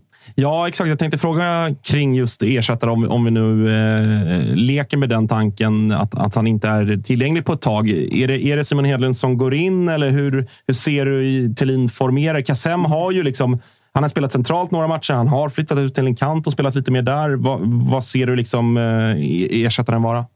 Nej, men jag, jag tycker väl Kassem är mycket bättre på kanten än vad han är som tia. Sen eh, så vet vi ju inte hur bra Simon Hedlund faktiskt är. Alltså, han såg ju väldigt fin ut mot Värnamo. Eh, så vi har ju Hedlund, Kassem och Ockels som ändå får anses vara tre liksom, klassyttrar. Eh, så det blir, nog, eh, det blir nog ganska jämnt skägg. Men jag tror ju nog ändå Simon Hedlund går in från, från start om han, om han liksom får de här två veckorna på sig att träna upp sig och komma in i laget. Ehm, så att det känns ändå ganska tryggt med de tre yttrarna plus Jebara och Gottfried Rapp. Men ja, det blir ju lite tunnare framförallt. Jag tänker på, på Ockels, eh, Isak. Förra året var väl ganska, gan, liksom ganska anonym och fick inte så mycket medialt utrymme och var väl spelmässiga prestationer 2-3 plus i, i snitt och sådär. Men nu liksom 9 plus 6 eh, och gjort vad han har gjort och det är säkert klubbar som är där och, och rycker och, och, och vill ha tag i honom. Vad, vad har du att säga om, eh, om hans säsong hittills? Ja, men den är ju över, över all förväntan. Jag var väl också lite så här. Det är väl också en sån spelare som ja, men du är inne på. Han gjorde 2-3 plus varje match. Eh, ganska enkelspårig, snabb i djupled. Eh, alla visste vad han skulle göra. Han lyckades väl inte alltid komma liksom, till det han skulle göra. Eh, men i år så har han verkligen kommit in i den här zonen och det ser så jäkla självklart ut. Eh, nu har han bränt några lägen på slutet, men ett av var det ju som att han, så fort han kom till ett läge, vilket han alltid gjorde, så var det ju mål. Liksom. Mm. Så att han känns väldigt eh, tagit ordentliga steg och samtidigt som man ska komma ihåg med Jeppe Ockels, det är, alltså, grundnivån är alltid 2-3 plus. Mm. Så att det är ju aldrig en spelare som faller ur ramen. Han gör alltid sitt defensiva jobb. Han jobbar hem mycket. Och Det är därför han fått spela mycket även när han inte gjorde de här nio målen och sex assisten. Nu har han ju adderat det så det är klart att Jeppe Ockels kommer ju lämna i vinter. Det är ju inget snack om saken. Mm. Så otrolig utveckling. Ja, vi får väl, vi får väl se. Hörru, du, det, som sagt, lite annat att, att prata med dig om. Jag tänker att vi ska börja i Eh, du var ute och svingade lite kring eh, transferfönstret och, och hade ganska starka åsikter kring det. Eh, för de som eventuellt har missat det, det, det stängde ju för är det en vecka sedan? Ja, ja exakt.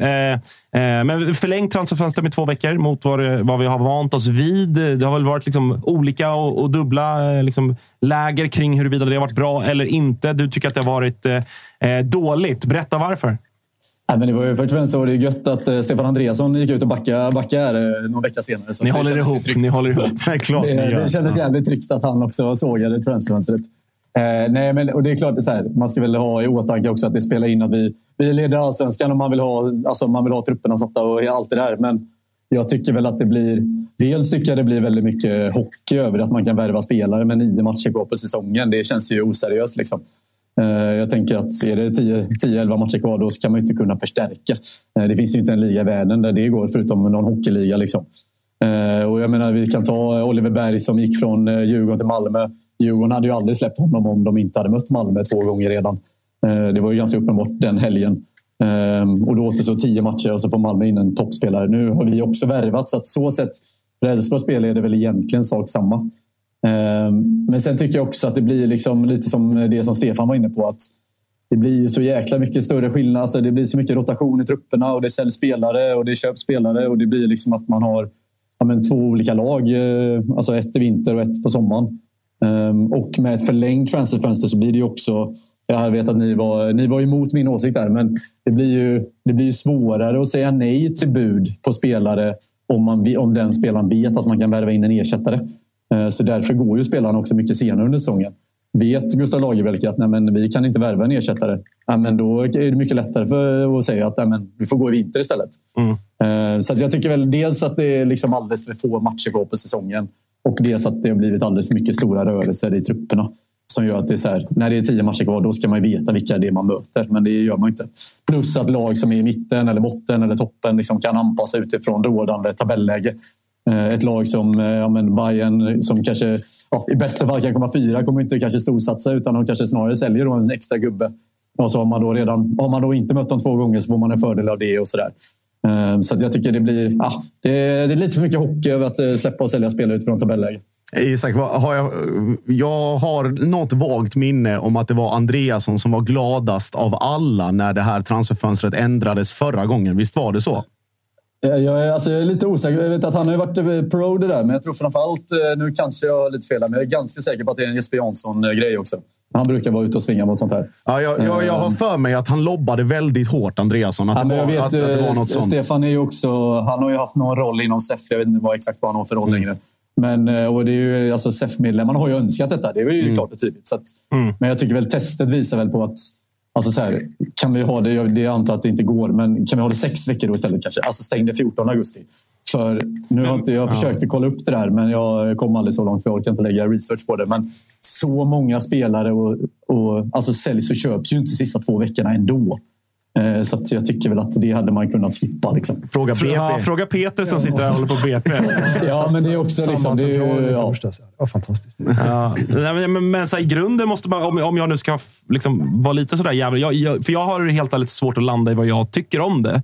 Eh, så att jag kanske inte tycker någonting. Det kanske är det jag ska landa i. Men, men så här, i grund och botten är det väl ändå... För det, det, har ju ändå liksom många sportchefer genom alla år lyft upp att det är problematiskt att vi ligger som vi ligger för att vi riskerar att bli sönderköpta och så kan vi inte ersätta. Eh, så att ur den aspekten är det väl ändå positivt. Eller vad tänker du kring det? Jo, men det, det är klart att jag fattar den principen. Sen är det så här, alltså är det 11 matcher kvar på säsongen? Alltså stänger vi fönstret 15 augusti istället som det var tidigare? Eh, alltså, det är två veckor det handlar om då. Och då, det kan vi väl, då får man väl ha lite långsiktighet eller, eller bål så säga ja eller nej. Alltså, det, vad fan. Vet du vad, så mycket det kan det finns ju många- så mycket kan inte skilja. Liksom. Alltså det, det finns ju en del annat i det också. i Att de, många utländska fönster stänger sista. Att vi måste, det finns ju ett läge. Jo, men jag många- menar, finns ett Saudi öppet till idag. Liksom. Alltså, ja, Grekland öppet till måndag. Ja, men, ja, men, Ja. Man får ju prioritera. jag. Eh, Men det finns ju också den här möjligheten att faktiskt eh, fynda så här sent också. När spelare eh, ute i världen tror att de ska lösa någonting och så på, på sista året, eh, liksom sista dygnet är ingenting löst. Då kan en mindre klubb, typ vi, komma in och sopa här med en spelare som gör att vi klarar ett kontrakt. Alltså, utifrån den aspekten är ju det fantastiskt för oss. Eh, samtidigt så är det ju, jag hör ju vad du säger, men alltså, allsvenskan är en säljande liga. Det ska vara en säljande liga. Det är den eh, liksom, hierarkiska platser vi har. Ja. Du hittade ordet Ja, som jag sökte. väl... Jag såg det. Alltså, ja. ja, men att just det, det, på ett sätt måste man ju acceptera det och rätta sig efter det samtidigt som man ska väga in det känslomässigt. Att vi ska veta vilka spelare vi håller på. Alltså det, det är självklart, ska vi bygga en, ett förtroende för våra trupper ska vi veta vilka som spelar där. Det, är- det är klart jag, jag, jag hör dig, men vi måste också anpassa oss lite efter eh, verkligheten. Jo, men då kan vi lika bra lägga om till höst-vår. Alltså, så, det, Det var precis det vad jag säga.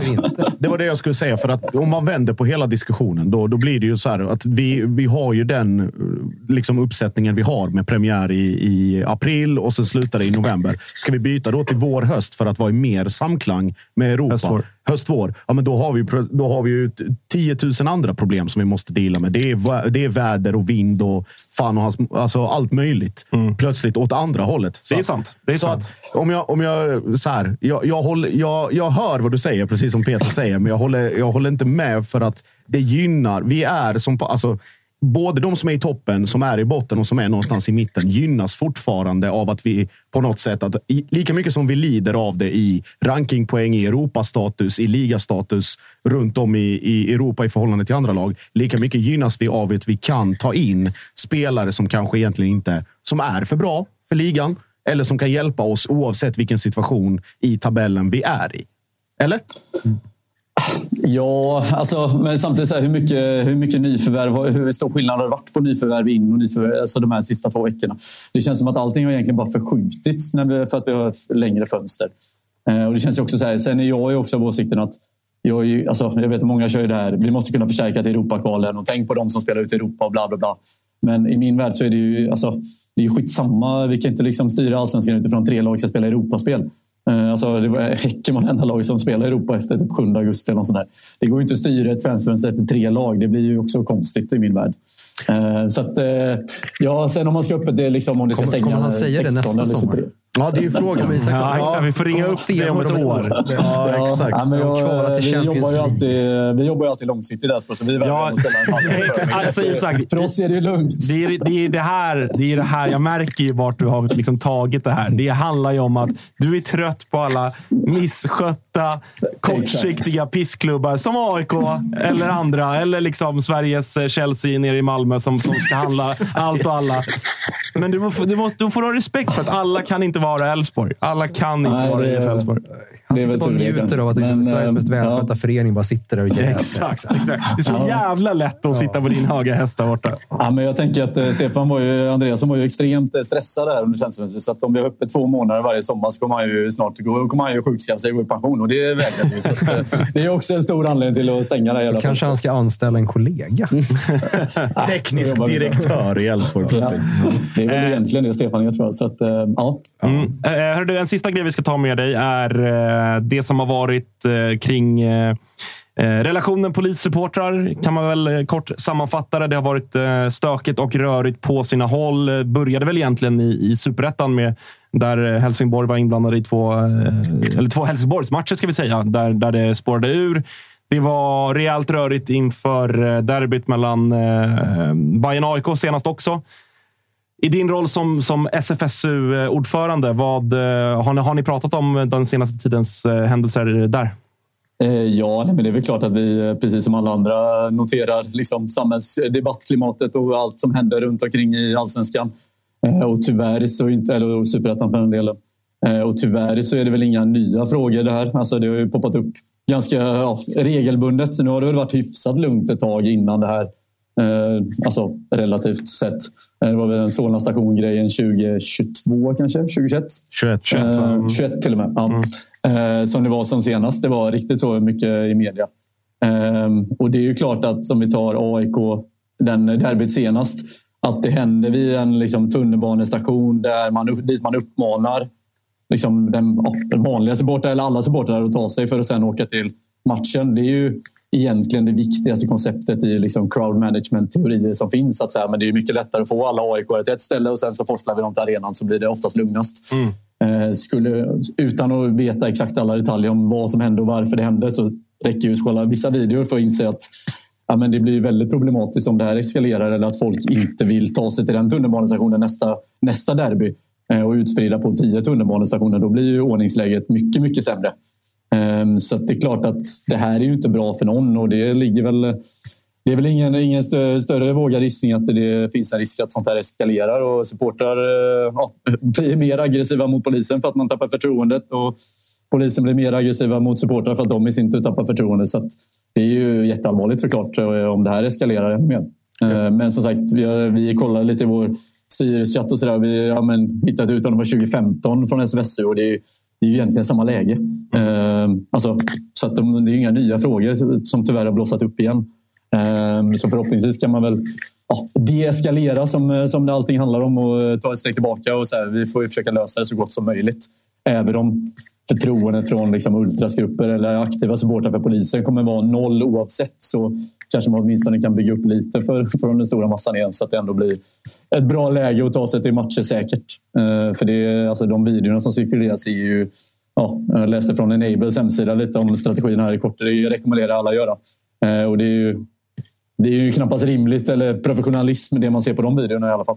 Eh, Isak, jag tänkte på, eller om vi ska använda det mediala begreppet skandalderbyt, när till och med högsta beslutsfattare i form av justitieministern plötsligt skulle kalla alla parter till, till samtal och att det var väldigt liksom, handlingskraftigt på en sekund. Hur har, hur har, har ni haft någon form av dialog med våra, våra folkvalda representanter eller har det funnits något form, eller någon form av dialog efter de här senaste händelserna?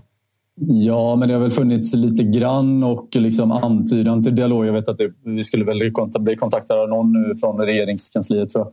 Eh, men sen det mesta av dialogen sker ju fortfarande med SEF, alltså Svensk mm. Elitfotboll.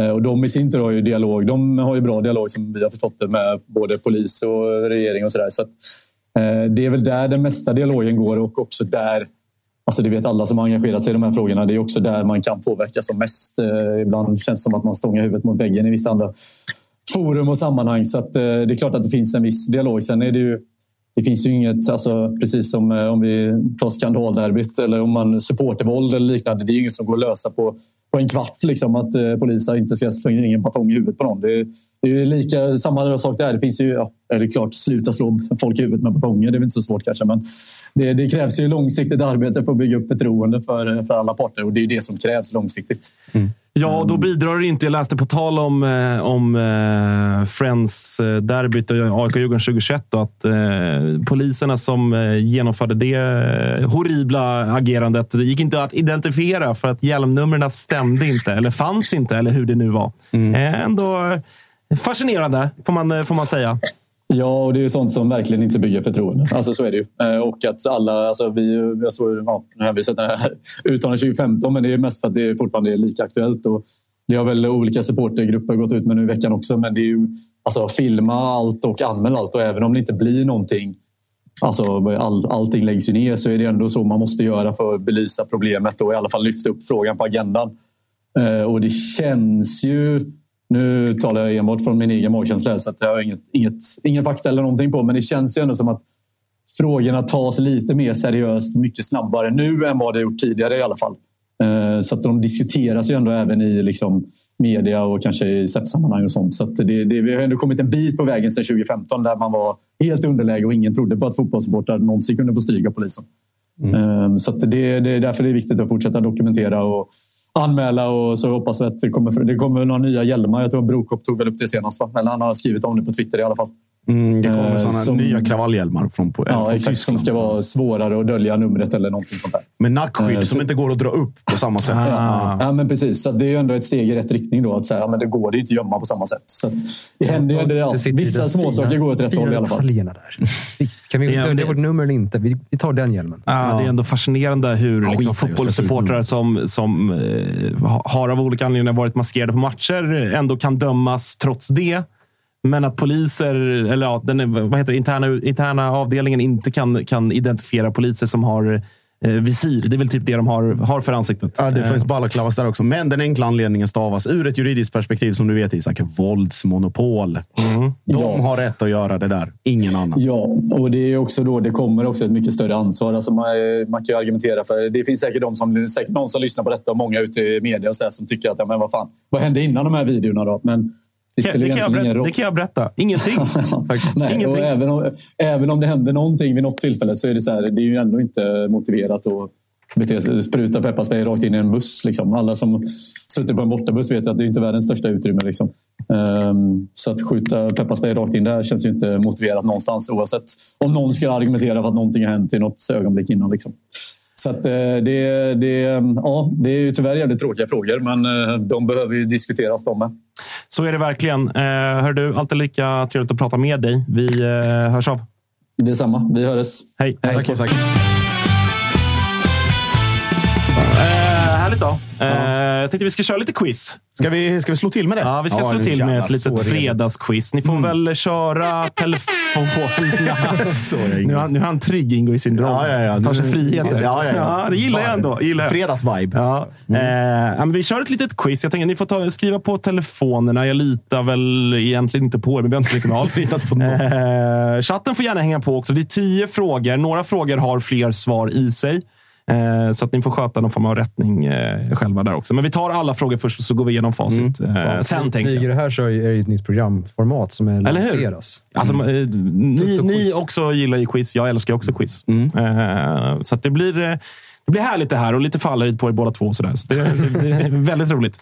Vi kör igång då. Chatten eh, är med också. Eh, ni får, de kommer väl skriva rakt ut eller, eller sådär. Ni får göra som ni vill, chatten. Eh, vi börjar kring Micke Stare som är aktuell.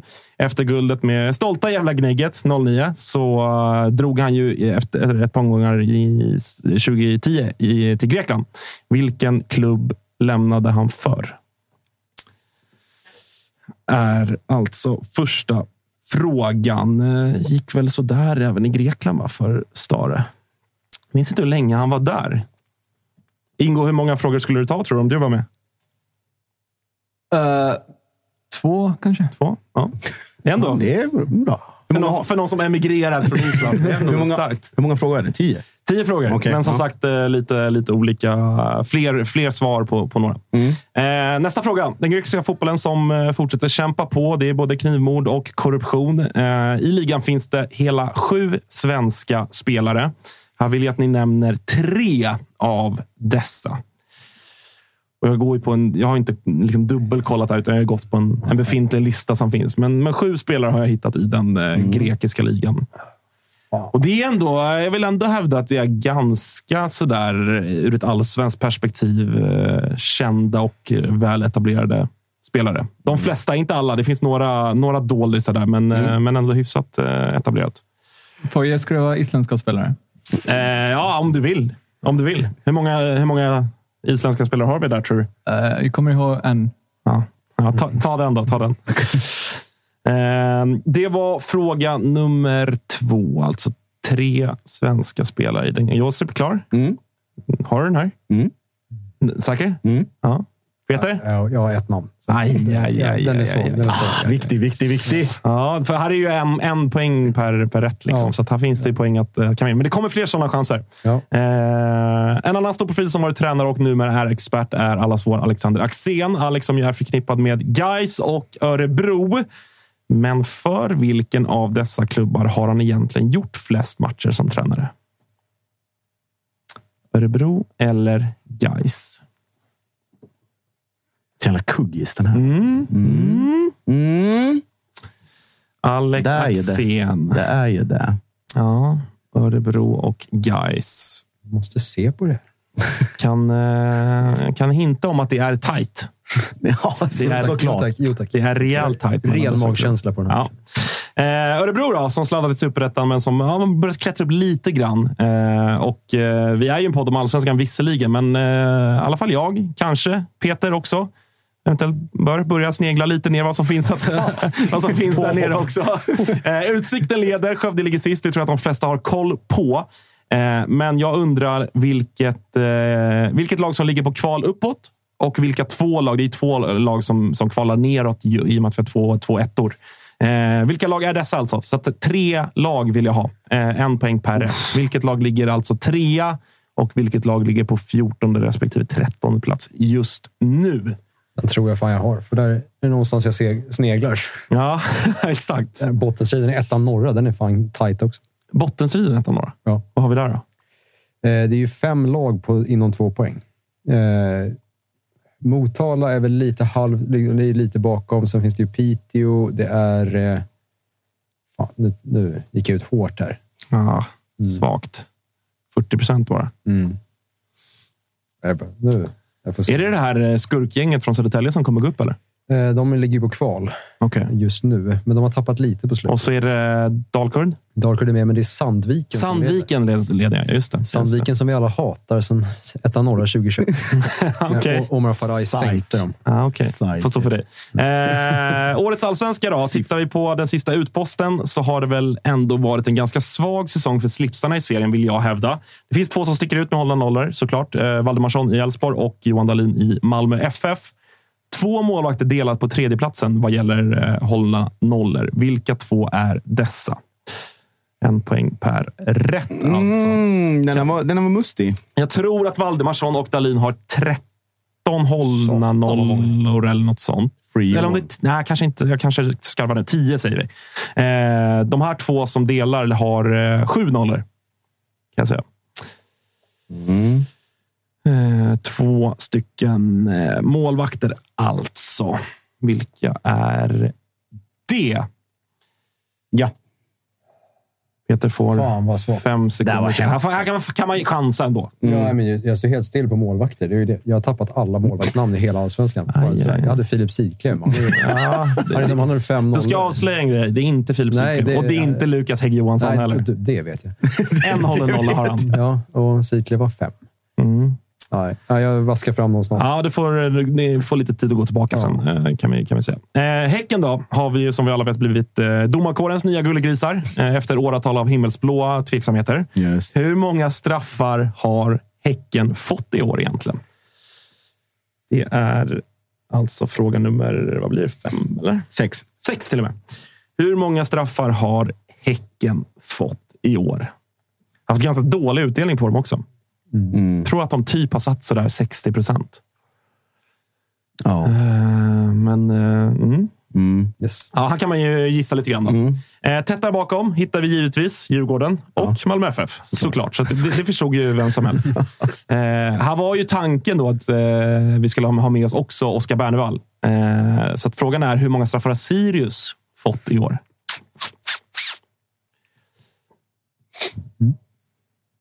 Mm. Hur många straffar har Sirius fått i år? Nästa fråga. Eh, där är det lite närmast vinner då mellan er två. Men eh, chatten och övriga som lyssnar på podd i efterhand får ju liksom försöka naila det så, så, så nära man kan. Men eh, en stor snackis har ju varit publiktillströmningen där vi går mot ett rekordår med Loket och seriens mittpunkt AIK i topp såklart. Yes. Eh, vad ligger AIKs hemmasnitt på efter eh, 22 spelade omgångar? Men alltså bara hemmamatcherna då. Men vad ligger snittet på? Vilka leder årets publikökare i publikstödet? Brommapojken. Ligger BP sist eller? Eh, ja, Jag tänkte, det borde väl ändå vara... ja vi, vi är, det är tajtare med... Ja, men med tanke på en... Fast ni, ni har, Snitt. har ni Djurgården kvar på... Ja, vi har Ja. Djurgården kvar. Så vi, vi skulle kunna hamna... Eh, Men annars inte så 15. många storlag hemma, va? nej, ja, det vi har ju Norrköping och eh, Elfsborg. Ja, Elfsborg blir inte många, men Peking kanske kan bli en del. Ja, Mm. det är vår nästa hemmamatch. Just det. Just det. Eh, alltså AIKs hemmasnitt, vad ligger det på? Vi går vidare. Ja. Isak Kiese leder skytteligan efter 22 omgångar och kommer ju också såklart vinna den i och med att tvåan Benit Traoré har lämnat allsvenskan. Eh, förra året vräkte Jeremejeff in 22 mål, vilket är tredje flest mål på 2000-talet för, för en skytteligavinnare. Då. Vem har vunnit med flest antal mål? Förstår ni frågan? Under 2000-talet. Så då, där vill jag ha... Här finns det tre, tre poäng att få. Alltså. Om man tar spelare, vilket år det var och hur många mål spelaren gjorde. Uff. Så här kan man ju liksom... eh, Ja, man kan ju tänka lite olika där, hur man, hur man väljer. Men... Eh, eh, mm, under 2000-talet. Alltså, i- när jag gick kollade den här listan så blev jag ändå lite förvånad över. För annars eh, känns som att man, sanningen är sådär att det alltid är, det alltid är sådär 14-15 mål man vinner på. Det Men det är fan inte det. Mats Liljenberg, vad vann han på? 11? Usch, det är före mitt. ja, det här är, nu backar du långt. Ja, det, var, det var inte då han delade med Christer Mattiasson? Ja, kanske. Nej, han var i 96, Elfsborg, Ja. Mm. Ja, möjligt. möjligt. Eh, alltså, vem har vunnit med flest antal mål, spelare, eh, antal och årtal? Eh, I andra änden då? Vem har vunnit på minst antal gjorda under 2000-talet? Spelare och år. Jag avslöjar att det är på 14 som man vann på. Och här finns det ett gäng olika. Både liksom, det finns olika årtal och således också då såklart olika spelare. Så här finns det ett gäng olika alternativ och man får rätt om man sätter det oavsett. Så att ni behöver inte ta antalet. Det har ni redan fått. 14 stycken. Eh, Men spelare och vilket år det var. Jag kan kanske till och med avslöja att det är vid tre olika tillfällen så vann man på 14 mål. Under 2000-talet. Säg frågan igen.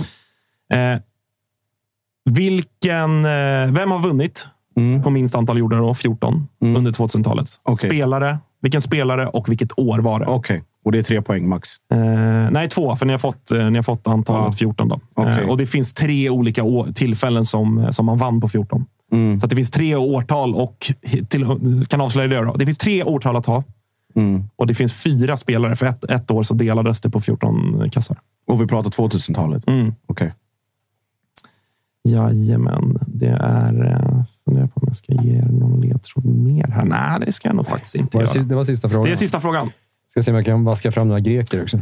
Ja, exakt. Sju spelare. Du ska ha tre där. Uh, kul ändå att gå igenom gamla skytteligavinnare. och så här. Det är några man ändå har eh, förträngt, får jag, får jag villigt erkänna. Såklart inga AIK det där, så att, eh, man har väl gått vidare från den typen av statistik helt enkelt. Ja. Jag har suttit och kollat på, på tal om eh, historik. Jag har suttit och sammanställt BP's allsvenska historik Mm. eh, de senaste veckorna. Eh, Vad har du för nuggets? Oskar Pettersson är ju tre mål ifrån att gå upp i topp på antal gjorda allsvenska mål på en säsong. Det. Långsökt. Men Gustav Samuel Magnusson har slagit rekord som vår mesta allsvenska spelare också nu. Ah, Han passerade Maurizio Albornoz under sommaren. Okej. Mm. Det är avtackning. Sedvanlig avtackning. Avtackning. Det börjar Nej, bli, börjar bli många sådana... kontrakt över nästa år. Fan. Nej, nej, men sedvanlig säsongsavtackning och så är det ytterligare en plakett. Ja, exakt. Många sådana nu för, Den här för Gurra. vad är det, BP-stenen som eh, Amadeus pratar om. Den Ja, här. jag gav den till Kevin Ackerman idag, månadens spelare. Ja. Den är lagom stor, fem meter hög. Ja, mäktigt. Eh, härligt. Eh, ska vi gå igenom det här då? Kör. Eh, spännande. Ni får eh, rätta... Eller jag kan fråga lite då. Mm. Första frågan. Micke Stare. Vilken var den grekiska klubben han gick till när han lämnade 2010? Är det Panetolikos? Nej, alltså, du bör- börjar ju på P som alla andra grekiska klubbar. Nej, men för jag var ju, det är just det att jag är osäker på hur det uttalas. Det är Mm. Jag var ju inne på Panol- Panelikos. eller något sånt där. Panionios. Fan! Det var det. Ett halvt rätt. Ja.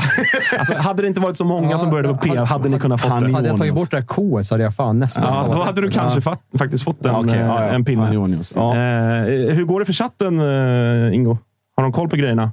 Ja, jag tror de, det går ganska De har alla rätt allihopa såklart. Ja, ja, ja. Härligt. Grattis chatten. Tillsammans har de alla. The Great har 11, 11 av 10 rätt. Eh, de svenska spelarna som är i den grekiska ligan då. Eh, ska Josip, som var tvärsäker, börja med Ja, sina tre? Eh, Alexander Jeremejeff, Ja. eh, Erik Larsson ja. och Filip Sakpekidis. Han är där, ja. Är han det? Det är, han måste, jag tror han spelar i samma Han- han- rut- ruttna gäng som Jeremejeff. Jag ska faktiskt. se, nu ska vi faktiskt Är det se. Levadiakos de springer runt i båda två? Men skulle det inte... Filip Sak- Sakpekidis. Måste vara Alltså, han, Han är väl grek? jag är ledsen. Han är klubblös. Nej! Han har väl då blivit klubblös här under sommaren. Han var ju där nyss! Ja, han är klubblös. Så Åh. två poäng för eh, Josip. Ja. Jag är osäker på om jag har rätt nu, men jag säger Daniel Sundgren. Eh, nej, han är ju i Israel, Israel, numera. Lämnade ju Aris som ju eh, Omar eh, ryktas till. Just det. Det var så det var. Eh, det var din du hade. Ja. Du fick inte fram några fler. Eh, Erik Larsson sa ju du. Emil Bergström är i Grekland. Eh, sen har vi dessutom August Erlingmark. Just. Niklas Eliasson i I AIK, AIK. som ju var CL, eh, ska CL-spela nu. Fan vad man har ändå glömt Niklas Eliasson. Eh, David Moberg Karlsson. Han gick dit nu, va? Uh, jajamän. Ja. Eh, Alexander Jeremejeff och sen då Admir Bajrovic. På tal om bortglömda Ja, spelare. ja, liksom där, Admir. Bajrovic. Ja. Eh, Så de har vi i, eh, i den grekiska fotbollen. Helvete. Sakis. fan Du leder stör. 2-0 nu. efter 2-0. Ja, ja, ja. Och eh, den här frågan då, som ändå är en 50-50-fråga. Alec eh, Axéns. Eh, vilken klubb han har gjort mest, eh, flest matcher för? Jag kan börja med att säga det är 113 i den ena och 109 i den andra. Jag säger guys. Jag skrev också guys. Det är Örebro. Fan! Det är Örebro. Behåller ni, behåller Men det var ni- nära. Ja, exakt. Du tappade inte. nära. Fan. Ja. Så kan det vara. Så kan det vara. Eh, Superettan-frågan då, Peter. Eh, där eh, kände du dig relativt säker. Om vi börjar med kvalplatsen uppåt. Tredjeplatsen just nu. Vem innehar den? Östers IF. Öster. Det stämmer alldeles eh, riktigt. Och de två platserna som är kval neråt just nu. ÖSK och Giffarna, va? Helsingborg och Giffen. Helsingborg och Giffarna. Fan. Tog du in en pinne? Ja, Ja. Eh, Helsingborg vann ju nu mot Sundsvall. Så det tog, vi Just. Mm. upp där och petade ner Örgryte på, de, på en, Aj, aj, aj, aj, aj. Ja, den, ja. Eh, så vad har vi? 4-3? Nej, jag har inte koll. eh, jag skulle säga Eller 3-2. 3-2. 3-2 kanske. Ja. Så, så kan det vara. Eh, målvaktsfrågan då. Efter Hakon och Dalin så har vi två målvakter som delar på tredjeplatsen vad gäller hållna nollor. Två poäng att inkassera om man sätter båda. Eh, jag skrev Jakob Widell Zetterström och Peter Abrahamsson. Jag med. Det är rätt med Jakob Widell Zetterström. Sen så är det Kristoffer Nordfeldt som har varit eh, bespottad och ifrågasatt. Och, Kribben, och så. Men alltså. Kribben har eh, faktiskt radat upp ett gäng eh, nollor. Defensiven har ju ändå... Han har flest allsvenska nollor i BP också. Ja, du ser. Du ser. 12 stycken. Fick du det sagt också. Eh, vi går vidare med... Ja, det är 4-3 nu. 4-3 till Josip. Vi går vidare med eh, Häcken-frågan. Då. Hur många strallar har det egentligen blivit på Hisingen? Jag skrev 8. Jag med. Oj, snyggt. Den är ändå snygg. Det är rätt. Jo! Att sätta den exakt är, eh, det är ändå skickligt skulle jag säga. Ehm, sitter alla, eller alla, Häckensupportrarna sitter och säger ja, men alla har varit solklara. Och det, Vi är så mycket i motståndarnas och så vidare. Eh, Sirius står i andra änden. Iskall fråga nu när Bernevall inte var här såklart. Men hur många strallar har de fått? Två. Noll. En. Det Jag tänkte skriva en alltså. tråkigt att ingen av er hade rätt. Nej. Eh, Men eh, uddamålsledning fortsatt. Och här då har vi närmast vinner. Så jag, här hjälps vi åt då med matten helt enkelt. Eh, AIKs hemmasnitt än så länge. Vad ligger det på? Börja Peter. Eh, 23 549. 21 och 5. Oj, det är långt ifrån. Ja, så 22 och 5 är någonstans där i mitten. Ja, men vi är såklart över. 25 053. Åh jävlar. Det är bra jobbat. Det är, ja, där är det ju faktiskt en jädra eloge till AIKs publikarbete de senaste åren. Det Så får man... eh, det var ju många som... Och då är det ett Djurgårdsderby som stundar. Ja, men när vi mötte dem i somras, vid ungefär samma tid för fem år sedan, förra gången vi var uppe, eh, då var det ju halva antalet i publik. Mm. Eh, 2018 mot 2023. Så att det är ruggigt starkt av AIK. finns ju såklart en problematik i det också. Så har jag det, har jag det sagt, alla Hammarbyare där ute som rasar just nu. Eh, Det är kvitterat. Kvitterat med, eh, vad har vi? Två frågor kvar va? Jo, nu är det Visserligen, visserligen många poäng att spela om. Det är nu man ryker. Eh, skytteliga-frågan då. Vem har vunnit med flest antal mål under 2000-talet? Spelare, årtal och eh, antal mål. Då. Jag, eh, jag fick gräva. Ja, var, vart var vi? Vilka liksom... Eh, Vi var ju nere i, i hemtrakterna. mm. Eh, och det är ju Judas himself. Det är Peter EJ som har vunnit med flest mål. Och han gjorde fan ta med 24 stycken. Och vilket, årtal? Vilket år? 05. Ja, jag är inte osäker på när Peter EJ spelade i Malmö, så jag drog till med Peter EJ på 26 mål 2003. Snyggt jobbat ändå. Det är Peter EJ eh, i Malmö FF. Mm. Det är 24 mål. Säg att det är 05. Det är 2002. Så 2-1 i den kategorin då. Och uddamålsledning igen Igen, för, eh, för Josip. Eh, 7-6. och här finns det två poäng att, eh, att spela om. Mm. Och då är det alltså eh, minst antal mål eh, vad gäller skytteligasegrar under 2000-talet. Och eh, tre årtal. Jag kan... Jag kan eh, eller, ni får, ni får helt enkelt eh, ge svaren. Då vill jag ha spelare och eh, årtal. Jag är ganska säker på två. Mm. Eh, Då får du, väl, du får ju bara ett svar. Då, ja, 2013. Imad Khalili. I två klubbar. Jag tror det var i... Jag ska inte, den ena var HIF, om den andra var Peking. tror jag. Eh, och eh, Sen var det 2017. Då var det, också, då var det delat. Då var det Kalle Holmberg och Mange Eriksson. Jag drog till med Marcus Berg 2007. Han gjorde en jävla vår. Ja. Och här, du, du svarade ju Imad Khalili. Mm. Du skulle ha svarat 2017, Kalle Holmberg, Mange Eriksson. Det hade varit rätt. Det svarade ingen av er då. Eh, sen var ett eh, rätt svar eh, Rosenberg i Halmstad 2004. såklart. 14 mål. Och sen så var det tredje året, 2007, Razak Omotoyossi och Marcus Berg. Det är kvitterat. Nej, han går om. Han går om. Han går om. Stort grattis.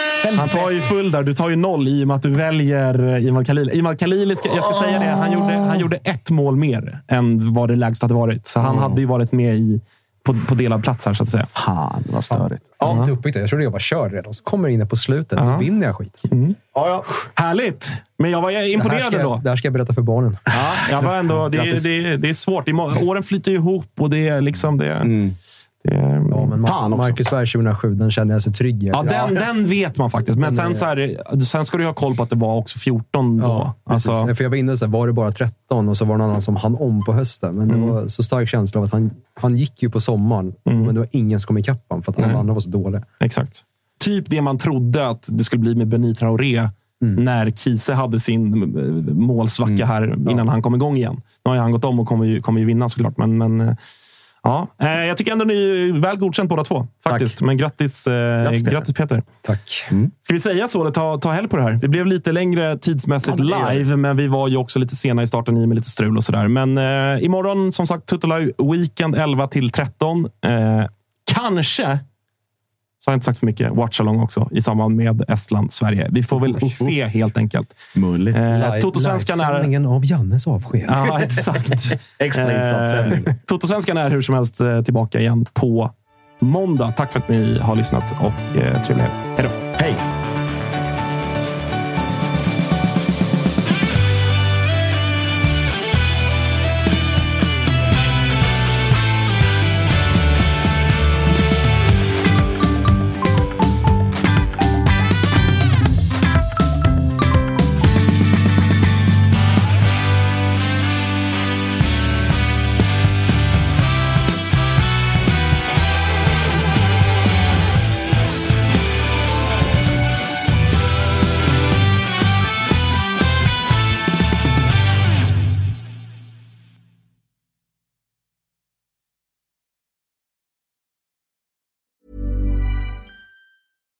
Deserves the best, and there's no better place to shop for Mother's Day than Whole Foods Market. They're your destination for unbeatable savings, from premium gifts to show-stopping flowers and irresistible desserts. Start by saving 33% with Prime on all body care and candles. Then get a 15-stem bunch of tulips for just $9.99 each with Prime. Round out Mom's menu with festive rosé, irresistible berry chantilly cake, and more special treats. Come celebrate Mother's Day at Whole Foods Market.